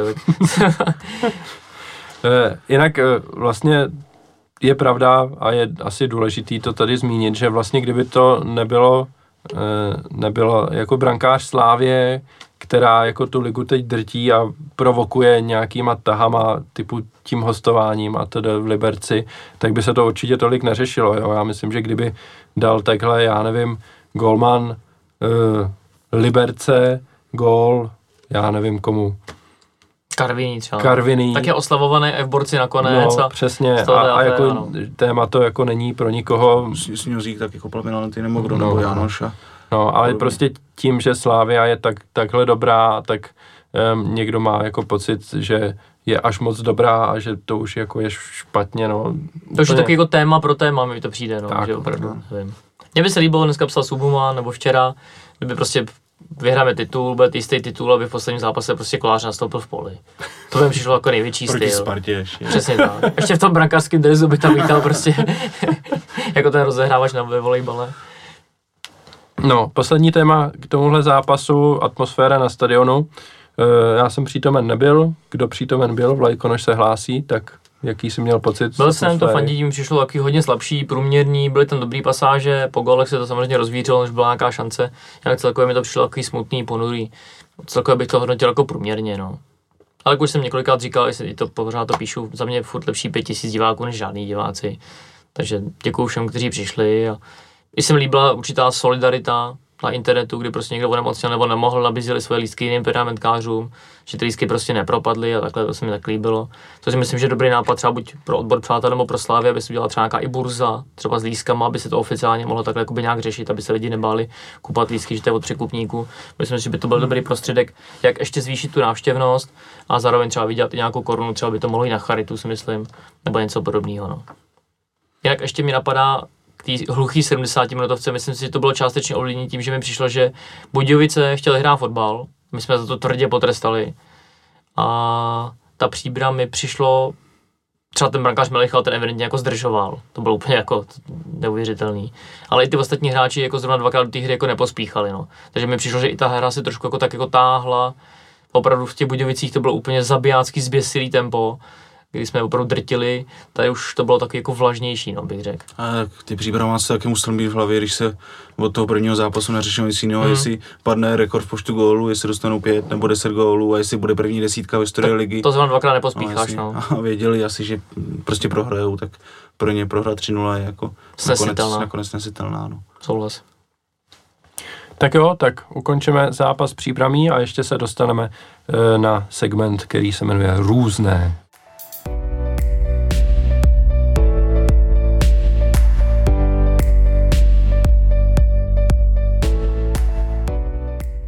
Tak eh, poslední téma, nebo poslední segment jsem nazval různé, protože to je víc takových menších tématek, který jsem nevěděl úplně kam zařadit eh, a přitom by byla škoda se k ním, eh, se k ním nějak nevyjádřit.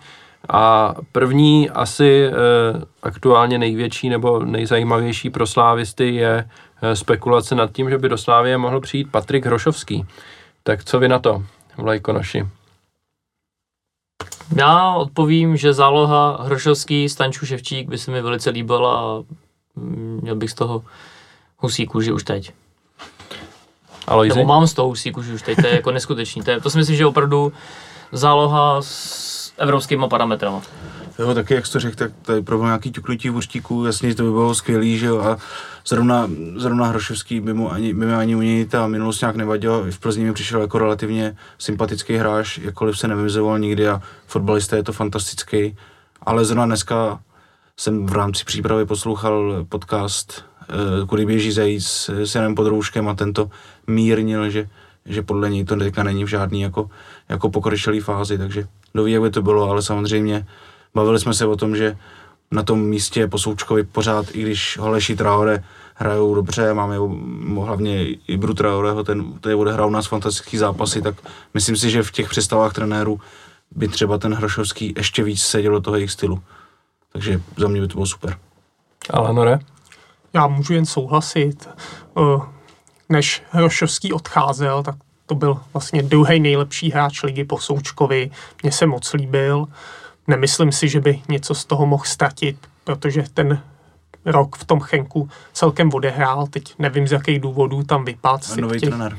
Jo, jo, tak je možný, že preferuje jiný hráče, ale uh, my, my, myslím si, jako, že, že by neměl být nějak výrazně horší, že, než když odcházel a že by se do toho měl celkem brzy dostat.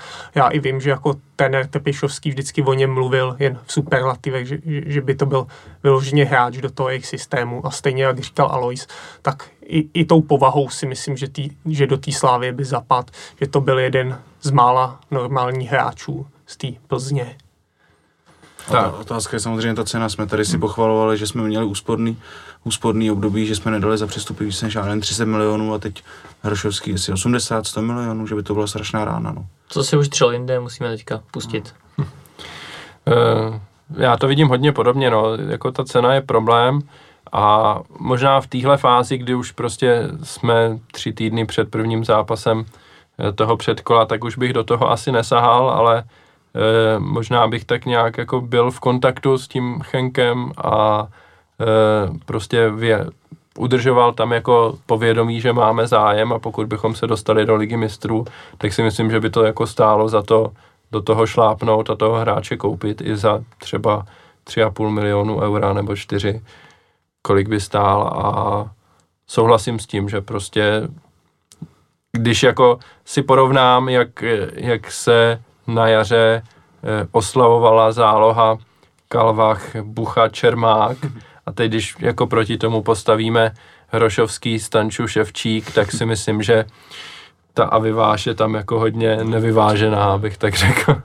No, tro, trochu, když to říkáš, mám obavy, aby to nebyl jeden z těch příchodů, jak říkal, myslím, netiskovce, já nevím, jestli pan Tvrdík nebo Trpišovský trenér, jestli jestli to není jeden z těch případů, který je vázaný na případný odchody potom před kole. Jestli třeba bychom na rychlo ještě nepustili Petra Ševčíka za 300 milionů a zase nekoupili Rošovského jako, jako nějakou záplavu. Nevím, no, to, to, to, by mě mrzelo, kdyby se to takhle, to, kdyby se to takhle minulo. E, jako za mě ideál je prodat křídlo, třeba masopusta, a vzít toho, toho Rošovského a já nevím, poslat Laca Takáče na hostování, aby jsme neměli jako těch hráčů zase příliš. Teď jsem to dneska zrovna počítal, že e, po odchodu e, těch hráčů, který nám tam přebývali, tak teď máme akorát v kádru Ačka hráčů na evropskou soupisku. Že hmm. nebudeme muset jakoby nikoho vynechávat, ale je to tip pak když by někdo přišel, tak už by se jakoby jeden hráč pak na tu soupisku nevešel. Takže e, i z tohohle hlediska bych si je, je potřeba na to koukat. No. E, no, jasný, prostě Hrošovský si myslím, Eh, je to posila z podobného ranku, jako když se spekulovalo nad tím, že jsme v kontaktu s Daridou a že bychom jako chtěli Daridu, tak pro mě to jsou oba dva hráči jakoby na stejný post, na ten post vedle Ševčíka a Podstanča, kde by prostě tu ligu úplně jako převyšovali o několik parníků, si myslím. Alanore, Dokážeš si představit, že bychom v Lize tady hráli s Hrošovským, Ševčíkem a Stančem a jak by to vypadalo, ty zápasy? Tak on, on je vždycky potřeba jako trochu nějaký čas, aby si to úplně sedlo, aby se, ty hráči sehráli, že bych úplně nečekal, že teď ho třeba oznámíme, i kdyby to mělo být za den, za dva, tak pak na tu ligu mistrů taky, taky souhlasím s tím, že už bych do toho moc nešahal. Bylo to vidět třeba i u Stanča, kterým hodně trvala ta adaptace. Myslím, že u toho Hršovského by to bylo rychlejší, ale čekal bych třeba, že až na jaře by, to šlapal, by se to blížilo tomu maximu tom, toho potenciálu, který je samozřejmě jako takhle na papíře mimo dimenze té české ligy. Jo. To by byla, kdyby jim to šlo tak, jak si přejeme, jak předpokládáme, kdyby se to opravdu vyplnilo, tak myslím, že jako takový střed zálohy Nevím, jestli tu vůbec někdy byl, asi. Tě, tě, ne, nespomínám za poslední roky, no. Toto by bylo fakt co jméno, to top kvalita. Tady. No, uh, jestli nechcete nikdo ještě k Hrošovskému. Já jenom, že trenéři v tuto chvíli, nebo další dobu, velmi eminentně stojí o dva hráče, Hrošovský je jeden z nich a jsem skoro přesvědčený o tom, že u nás končí. Ten druhý je Darida nebo někdo jiný? Ten druhý není české národnosti. A. A je Stoch. Stocha mohu vyvrátit. Je to jeden již už v médiích zmíněný uh, hráč z Afriky, který A. hrál v Africe. Bur- Burkina Faso. Burkina. Bobo. Zdravíme Bobo Vendera. tak to je druhý hráč, o kterého trenéři e- e- eminentně stojí a myslím si, že by se to také, také mohlo podařit. Tam jsou ještě trošku menší nějaké administrativní zádrhele, ale uvidíme. Každopádně mm, od toho Rašovského mm, úplně bych nečekal na postup do Ligy mistrů, prostě skupinu na Evropský pohár máme jistou, abych ho koupil hned. Nebo snažil bych se domluvit co nejdříve. Do těch pohárů samozřejmě, aby to nerozhodil, nemusí nastoupit do toho playoff, ale ať už je s týmem, ať klidně naskočí do ligy na pět minut, jo, ať se sehrává, čím dřív, tím líp. Tak já bych ještě upřesnil to svý předchozí vyjádření, jako Hrošovskýho bych bral hned, jo. Klidně na přestup hned, ale na tu ligu mistrů asi bych už do toho tolik nesahal, no, že toho času na sehrání není tolik, ale když může přijít klidně hned. Tak. Eh, teď jsem něco chtěl říct a zapomněl jsem to, takže to neřeknu. A místo toho se pojďme, eh, pojďme bavit o odchodech na hostování, naopak. Jo, hostování, už si vzpomínám. Kdyby, kdyby přišel na hostování. No, že by přišel třeba na hostování s obcí, kdyby jsme se jako nedohodli hned, tak jako byli byste proti tomu, kdyby tak před, je fajn, že bychom to vyzkoušeli z druhé strany to hostování, s tím tolik zkušeností ještě nemáme. Rádi posíláme hráče hostovat, ale u nás jich moc nehostuje, takže... Nebylo by to ze strany belgického klubu Chladný kalkul? Nevím, jestli by si takhle nezačali tvořit Bčko v České lize. ale no, ale jo, jo, já jen taková vtipná poznámka, že jsem trochu překvapený, že tady Vajkonošti neřekl, co si chtěl říct, že jsi na, na to nakonec musel vzpomenout sám. Mně už, to, mě už to po druhé přišlo blbé, tak jsem se do toho nepouštěl, abych Ondru nestrapnil ještě Ne, ale za sebe já bych bral Hrošovskýho i na hostování s obcí. Jako rozhodně, pokud by ta příležitost byla, tak jednoznačně. Já to neplatím, já to neřeším, takže vzít hned. Tak a když jsme u těch hostování, tak teď už definitivně pojďme na hráče, kteří odešli na hostování, což eh, v posledním týdnu nebo týdnu a půl byl Patrik Helebrant eh, zpátky do Slovácka a Mick van Buren do Českých Budějovic. A podle očekávání teda eh, Michal Beran do Liberce, což je potřeba taky zmínit. Tak co vy na to? Já třeba osobně jsem byl mírně překvapený, že jeden z dvojice Beran Helebrand tady nakonec nezůstal. A trošku jsem si přál, aby tady zůstal Michal Beran třeba. A to, jak, eh, jak hrál proti Plzni, tak jsem významně zdvihal obočí zase jednou a doufám, že v zimě už se vrátí a už zůstane u nás teda. Co vy? Já tam vidím dvě roviny. První rovina, trenéři jsou s nimi maximálně spokojení a počítají s nimi do budoucna. S tím souvisí to, že úplně u nás by jim nedokázali zajistit potřebné vytížení, proto i po dohodě s těmi hráči a s těmi jakoby, kluby, kde budou hostovat, tak bylo zvoleno to hostování, což v případě Berana a Hlebranta si myslím, že je jako očividný, jasný. A druhá rovina je, že to souvisí s tím, že aby se uvolnilo místo pro, pro Hrošovského. Protože kdyby přišel Hrošovský, tak už by tu plem jakoby nehráli, že samozřejmě. Takže za mě je určitě daleko lepší, když prostě budou hrát eh, v Liberci a na Slovácku plus minus, já nevím, 80-90% času, než aby u nás hráli 5, 10, 15, 20. Jo, vždycky, co se bavím takhle s trenérem, vždycky je to, každý hráč je úplně jiný jak fotbalově, tak psychologicky prostě něk, někdo to srá, každý jinak starý, má rodinu, nemá rodinu, jo. Hlebrant má rodinu prostě na Slovácku, je to relativně mladý kluk ještě pořád, byl tady prostě sám v Praze, jo, když se s některými hráči jako hodně rozumí, teď se vrací jakoby v vozovkách domů, aby si tam zahrál, takže z tohle z toho hlediska si myslím, že je to jako lepší. Někdy trenéři jsou proto, aby ten hráč tady byl, protože říkají, že ty tréninky ve Slávi jsou intenzivnější, lepší, se hraje se s tím týmem. Je se prostě ten model toho, že ten hráč přijde, dostane čuchnout, třeba přípravu, zůstane tady půl roku, opak jde na hostování, že prostě aspoň pozná trošku to slavistické prostředí, že jsem rád. Bohužel teda to soustředí nebylo kompletní, ale aspoň ten Beran trošku přičichnul k té slávy. Jo, nebylo to takový to, že jsme ho koupili a hned jsme ho poslali pryč. Seznáme se prostě s trenérama, seznáme se s tím klubem, se stadionem, s těma spoluhráčima, prostě kam třeba pravděpodobně v zimě přijde nebo příští rok. Takže mě tenhle ten model naprosto vyhovuje a v tom maximálně jako věřím trenérům, protože za mě to jsou profesionálové a neřeší to jenom po fotbalové stránce a řeší to naopak i celkově ten hráč, aby se cítil jako i společenský, prostě rodinný život a tak dále. Což za mě je minimálně 50% jako sportovního výkonu, je prostě psychika. A pokud ten hráč je tady odtržený, teď to nemyslím jako zrovna toho Helebranta, ale pokud tady prostě nemá rodinu, i třeba to se souvisí s cizincema, že jo, jak jsem prostě přiletí nějaký Afričan, nebo tady prostě, což je třeba Joao Felipe, hmm. jo, já, za mě super fotbalista všechno, ale prostě tady jako odtržený. Jo, vždycky je to nějaký jako mix a každý ten hráč je opravdu fakt jiný. Je potřeba si myslím přistupovat jako individuálně a zatím bych řekl, že z nějakých 90% jako k tomu vedení a hráči Slávě nebo trenéři, ten trenerský tým přistupuje jako maximálně jako zodpovědně a vychází jim to, takže nevidím jediný důvod, proč to nějak jako hanit. No. Aloisi, ty se zhlásil? Jo, ani nevím už, to už je tak dávno, ale... Bude vědět Vajko, no. proč jsem se hlásil? Ne, jenom eh, k tomu Branovi a Lebrandovi asi tady hodně padlo, jenom myslím, že je super, že, že máme v kádru takhle mladý hráče na posty, prostě, který teď máme obsazené sice skvěle, ale ty hráči budou chtít jít někam vejš, Stanču a Ševčík a, a byl by divný, kdyby ne a, a je, je fajn, že prostě až se to stane, tak myslím si, že už máme předpřipravený tyhle hráče, který z toho mála, co jsem viděl je hrát, tak mi přijdou oba dva, že tam je obrovský potenciál a těším, těším se, až se prostě je tady. Možná, že toho Berana bychom si bývali nechali, kdyby třeba do, nebyla ta dohoda s Libercem už takhle dopředu, takže, že co jsem slyšel, tak trenéři z něj byli jako až překvapiví, že byli až překvapení, že až tak dobrý, až tak rychle se chytil.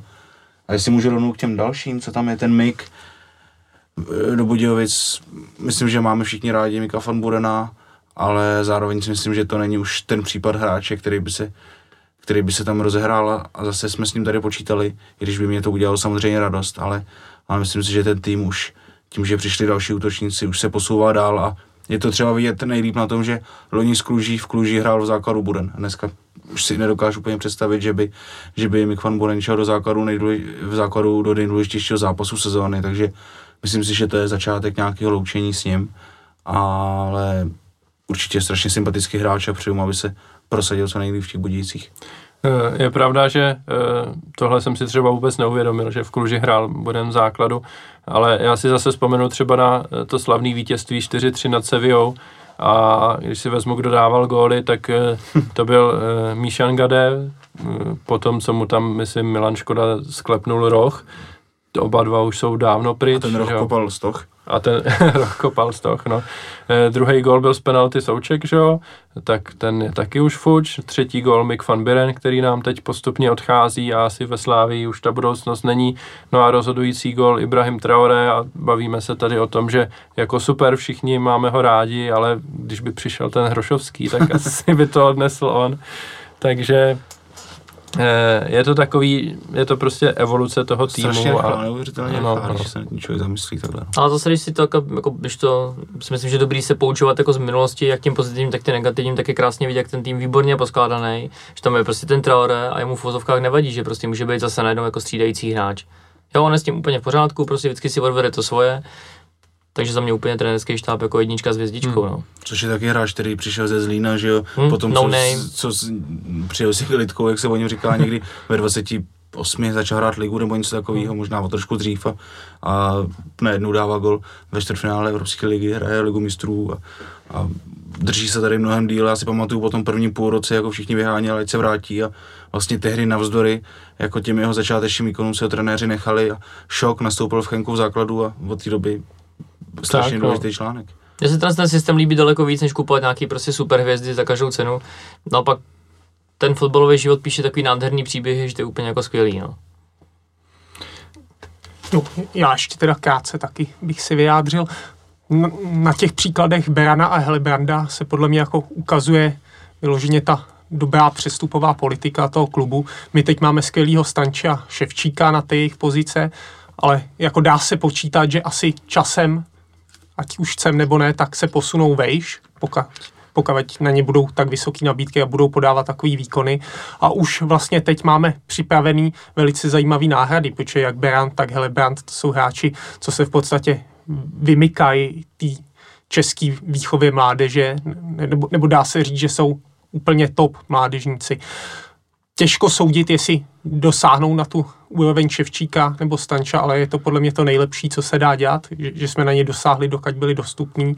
Třeba ten Beran teď hrál výborně z Plzní, jo, že už to tam máme zase, to budou hráči, co už aspoň chvíli tou sláví prošli, bude vědět, co se od nich čekat a můžou nastoupit na ty místa, které se uvolní. No, to, to samý třeba platí pro Oscara, taky mladý, zajímavý hráč. A co se týče fan Birena, tak já, já jsem jako zaslech, že dřív na Slávii měl, ale teď, že už to na, na to není, tak v tom bych jako trochu oponoval. Podle mě na ten základ neměl nikdy, že, že v podstatě eh, ja- jako párkrát nastoupil v základu, občas dal góly, ale dlouhodobě, že by to byl nějak- nějaký tahoun, to vůbec. Na druhou stranu bych zase řekl, že pro tu Slávy ten přínos po, pořád může mít jako střídající hráč, protože co já si pamatuju, tak to podle mě byl jako při střídání skoro nejlepší žolík, který do toho zápasu vždycky vtehnul s, s velkou vervou, ve- velkou energií a to zdaleka ne každý umí. Jo. Takže třeba v situaci, kdy prohráváme, nedaří, ne, nedaří se na tom týmu je deka, tak si myslím, že ten fan se může vždycky hodit. Jo. Že, že, že to byl podle mě skoro nejlepší náhradník, co si já, myslím, že vybavuju. O, o tomhle Trpeš někdy mluvil, že právě Buren umí naskočit do toho rozitého zápasu, umí to třeba Musa, ale třeba když je už Bauer nebo Škoda do nějakého zápasu, tak nikdy nenaskočil na to tempo a nepamatuju si, že by třeba už Bauer v lize mistrů tam šel kolikrát na posledních 20 minut a že by to nějak rozehýbal, že by něco předvedl, to ne, ale přesně Buren byl ten, který když naskočil v 60. 70. tak do toho přinesl něco nového. No. Tak Já mám taky pocit, že Trpišovský dokonce říkal, že bude jako umí v úzovkách změnit to tempo. Že Hmm. úplně najednou se ten obraz hry trošku změní a prostě najednou to jako otočí to kormidlo. Za mě Van Buren určitě jako pořád jako má to, to nebo podle mě by si zasloužil tu šanci pořád a konec konců to ukáže to hostování v těch Budějovicích, jestli na tu Slávě ještě pořád má nebo ne. A pak si myslím, že ještě potřeba dodat, že si prodělal dvě celkem velice těžké, nepříjemné zranění, Hmm. hmm. což kolikrát takovýhle zranění něko, některým hráčům ukončilo kariéry, takže za mě klobouk dolů, že se vůbec jako k fotbalu vrátil. Ne, jako já mám Mika van Birena hodně rád a vždycky jsem jako byl rád, když eh, nastupoval, ať už v základu, nebo ať když šel do hry, do hry z lavičky, ale z- zrovna tuhle roli, kterou jsme tady probírali teď, jako že nastoupí jako střídající hráč a rozhýbe to, tak já třeba vidím, že podobnou roli by tady mohl plnit Ondřej Linger, který mi přijde, že je jako osobnostní typ, jako podobnej, že prostě má strašnou touhu ukázat, že prostě to si to tady prostě vykope a dokážu si představit, že on tam přijde a zrovna tak jako Van Buren tam začne lítat a zase prostě je to přirozená nějaká jako evoluce toho Evoluce. týmu, omlazení a mladší, perspektivnější. Van Birena neprodáme, že jo, nikam, jako při vší úctě k němu. E, myslím si, že to skončí tak, že mu vyprší smlouva a odejde někam zadarmo. Ale Lingera si myslím, že prodat jako můžeme, je mu prostě 21, je to mládežnický reprezentant. e, má zajímavé statistiky z té Karviné, takže hm, zase no, prostě omlazení, evoluce toho týmu a dost možná jakoby zesílení toho týmu při vší úctě zase k Mikovi. Ale tím spíš, že vlastně s Budějovicema jsme hráli první kolo a budeme s nima hrát až na konci léta hmm. poslední kolo, tak mu strašně přeju, ať se tam prostě jo. chytne a, a střílí tam gólu jak máku, protože pokud by to tak mělo fungovat, tak pokud by se tam chytil, tak by to bylo jako skvělý. A... Hlavně to zdraví ať mu drží. No. Tak, no. Já bych mu přál, i aby se třeba vrátil tady a prosadil se, ale teď si nedokážu v tu chvíli představit, když na lavičku se nevejdou, nevejde pět jako super fotbalistů, ta cesta je strašně dlouhá a myslím si, že, že už to na to nebude, ale určitě. Hmm. Určitě mu přeju, no, jak jste říkal. A ono se to jako člověk neví, co bude zítra, jasně, samozřejmě. Jasně, se může cokoliv. Kdo by před pár měsíci řekl, že Olhinka bude mít třeba problém se dostat do základní sestavy, jako no. Přes provoda. Přes no. tak. No a když jsme u provoda, tak poslední téma reprezentace eh, je reprezentační přestávka, netradičně po dvou kolech ligových. Eh, Česká repre bude hrát na Slovensku a se Skotskem doma, nebo ve Skotsku, nebo já už nevím. Doma se ani, Skotskem. Doma se Skotskem. Eh, Slávia má v reprezentacích hromadu hráčů, jako v české repre jich je snad sedm, nebo tak nějak, nepočítal jsem to úplně, ale jich moc, nepočítaně, skoro bych řekl. Kromě toho vlastně Niko Stanču odjel do rumunské repre, tuším, že Ibrahim Traore taky jel do repre, Petar Musa jel do uh, chorvatské 21, která mimochodem bude hrát uh, zápas v České republice, což by bylo určitě zajímavé se podívat, protože tam narazí taky na nějaké slávisty. Uh, David Zima je v reprezentaci do 21 let, si Nevíš, kde hrajou? Uh, v Českých Budějovicích mám pocit, že hrajou. Uh, zaslechl jsem, jaký, jaký byl problém vůbec jako to zorganizovat taky vzhledem ke covidu, ty jako přesuny hráčů do těch zahraničních reprezentací. E, zánělo se nějaký jako soukromý letadlo pro Stanča, který jako poletí do Rumunska. To už se nabízí tu reprezentaci zrušit. A... tak, no každopádně co říkáte na to, že nám tady těch hráčů prakticky jako moc nezbylo a teď e, ty dva, e, ty dva týdny vlastně nemáme skoro s kým trénovat a naopak jste rádi, že prostě eh, máme tolik reprezentantů, nebo je pro vás reprezentace cizí klub? Já jsem si na dnešní zápas, nebo dnešní podcast vytisknul letičky a tady kolega Varísek v zaměstnání mi tam z legrace udělal jako poznámky a tady zrovna k tomu, budu napsal zrušit repre. Možná to je říkal Alois, ono to zní jako radikálně, ale když se tím člověk zamyslí, v této době, jaký má teďka ten reprezentační... Když to není ani kvalifikace. Ta reprezentační pauza, jaký to má jakoby smysl? Hmm. Jo, ty týmy si stejně jakoby nesehrajou, skoro nic se tam jakoby neukáže.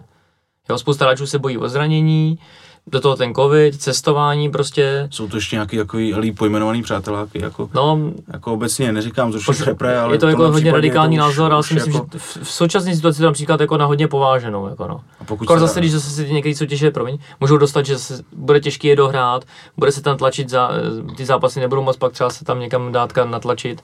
Za mě prostě jako vyhozený 14 dní, no. A pokud ještě se bavíme, sám si říkal, co všechno investuje Slávy, aby udržela hráče s minimem té nákazy hmm. a pak se rozjedou do reprezentace, kde třeba... A tam je někdo nakazí, no. Nebo kde třeba takovýhle jako opatření nebudou, že jo, a, ale někdo se tam nakazí, tak jako hmm. tu přijede, já nevím, Ibra, že jo, nakažený z repre a co budeme dělat potom prostě, všechno, všechno to půjde do kopru. Musíme narychlo koupit toho Rošovského. No, no tohle.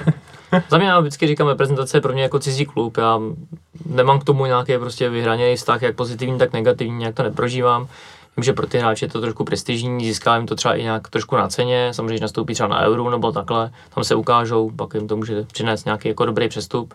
Těm hráčům to přeju. Já jediný, co si jako sobecky přeju vždycky pro sebe z pohledu fanouška Slávy, aby se tam žádný Slávista nezranil. Tak. Jinak hm. nevím, nemám k tomu vůbec nějaký jako vztah. No.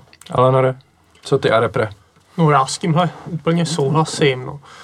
V současné době mi to taky přijde jako velice napováženou cháp, chápu, jako, že euro bude muset proběhnout, no tak ale tohle jsou v podstatě lepší přátelský zápasy. Smysl nevidím, no. Zvlášť takhle eh, při tom setkávání hráčů, jako, který hrajou po různých ligách, je, je pak to riziko toho roznosu takhle vyšší. A jinak, co se týče mýho vztahu k EP, nebo řekl bych, že, že taky těm hráčům to přeju.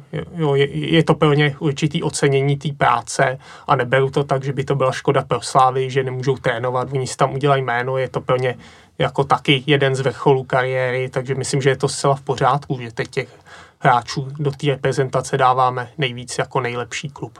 A ještě teda, co se týče nominace, tak vyjma toho Provoda, kterýho jsme už řešili, kterýmu to přeju, ten velký výkonnostní vzestup i tu pevní pozvánku, tak bych vypích Davida Hovorku, který byl taky donominovaný, což se někdo může divit, že odehrál dva zápasy od listopadu, října, nebo kdy se zranil, ale musím říct, že, jako, že to je po právu, že teď, co jsem ho viděl, jsem opravdu překvapený, že jsou to teda pevní dva zápasy se slabšíma soupeřema, ale on hrál opravdu skvěle. Jo. Jak, jak kdyby nebyl zraněný, byl to ten starý dobrý David Hovorka. No. Tak vidíme se silnějšíma soupeřema, ale když to potvrdí, tak my, myslím, že teď, teď je to kandidát vyloženě jako na toho pevního stopera do, do základu na, na ty nejtěžší zápasy do ligy mistrů. No. A úplně jsem to teda nečekal, že to bude až takhle zatím hladkej hmm. Vstup je, po tom těžkým zranění. Je pravda, že ještě před 14 dny, když jsme natáčeli podcast vlastně před ligou, tak jsme jako úplně nevěděli, jestli Hovorka vůbec bude hrát, protože vlastně v té přípravě tam nas, naskakoval spíš jako po minutách a nehrál. Je pravda, že ta příprava byla zkrácená, ale vlastně v žádným z těch zápasů nehrál, myslím, v základu a nazbíral jenom, já nevím, pár minut nebo poločas možná maximálně tak uh, uvidíme, no. Za mě jako mm, repre chápu ty, chápu ty výtky k tomu, že prostě Slávy to nic moc extra nepřináší a přináší to riziko zranění. Na druhou stranu je to pro klub jako úžasná vizitka, no. Uh, a byť jako Liga národů asi nikoho moc nezajímá, tak až se pojede na euro a pojede tam 8 slávistů, tak to bude mít jako zase e, trošku větší impact a mm, může to zase zvednout povědomí o tom klubu ještě v zahraničí, tím spíš pokud někteří hráči se tam jako ukážou dobře. Já bych třeba si strašně přál, aby Eh, se do základu repre post, postupně propracoval. Jednak Jarda Zmrhal samozřejmě, ale v současnosti třeba Petr Ševčík si myslím, že, že by tam rozhodně měl mít místo, aby ta konkurence ve středu zálohy je jako šílená s Daridou, s Králem, se Součkem. A ještě se vrátil. Vrátil se kapitán, eh, kapitán co se válí ve vápně. Nad člověk. Nad člověk. Tak. Ale třeba jako by Ševčík mohl hrát z kraje, zprava a pokud za ním bude pilovat lineu Coufal, tak si myslím, že by to mohlo fungovat. Jo. Uvidíme. Jsem zvědavý, jak to, jak to trenér Šilhavý vyřeší, protože eh, na druhou stranu na těch křílech tam jako úplně ultra silná konkurence není zase a pokud by byla možnost eh, třeba posílit tu zálohu nějakým falešným křídlem takhle, tak proč ne, konec konců. Uvidíme. Tak, já myslím, že se pomalu můžeme blížit ke konci. Závěrečná sdělení nevidím o nikoho, Je tu by... ještě trošku kalí, jakoby, co se někdy bavím třeba s bývalýma už reprezentantama, nechci úplně jmenovat, tak v některých obdobích za některých trenérů to nebylo úplně reprezentace jako soubor v vozovkách nejlepších hráčů nebo toho nejlepšího možného, co se dá jako sestavit, ale bylo to prostě z nějaký určitý části soubor toho, co tam agenti prostě dokážou jako natlačit a procpát a různýma dohodama, kšeftíčkama, prostě aby se zvedala cena hráčů a tak podobně. Což teď nehrozí tam 8 slávistů, tak to musí být tak, jenom ne, to nejlepší. Nechci jako by říkat nějaký konkrétní situace, konkrétně říkat, který hráči mi co říkali, ale taky samozřejmě neberu, že to je stoprocentní pravda, že jo, ale víme svý, jak to v minulosti kolikrát jako bylo, který hráči tam byli povolávaný a No konec konců, co jsem teďka koukal i v nějak na tu nominaci, tak tam taky jsou nějaký otazníčky lehký, některý hráči tam byli povolaný za neúplně jako dobrý formy z posledních měsíců, takže... Nebo žádný formy, protože vůbec nehráli. vůbec nehráli. No. Tak já myslím, že to můžeme pro dnešek ukončit. Já děkuji Vlajkonošovi, děkuji Alanarovi a děkuji Aloizi Velikému za účast eh, v dnešním podcastu. Eh, další podcast natočíme asi za tři týdny, teď za dva týdny po repre pauze bude jenom jeden ligový zápas, takže si to dáme asi, no ještě uvidím jak, protože tam se pak namontuje to předkolo ligy mistrů, tak možná nějak před ním by se to Já bych asi... se tě Ondro rád zeptal, jaký máš plán v termín obou zápasů playoff? Jedeš někam na sympozium? Jako bohužel covid všechno zrušil, hmm, takže tak, já nikam nejedu. Tak bohužel, no, Evropská liga, no. Sorry jako. Děkujeme. jsme, jsme tady o tom bavili hodinu. Já myslím, že Slávia je tak silná, že možná e, dokáže postoupit i, i přes, přes to, handicap. I, I přes tenhle handicap, no. Tak, konec. Mějte se hezky a ahoj. Ahoj. Ahoj slávisti. Ahoj.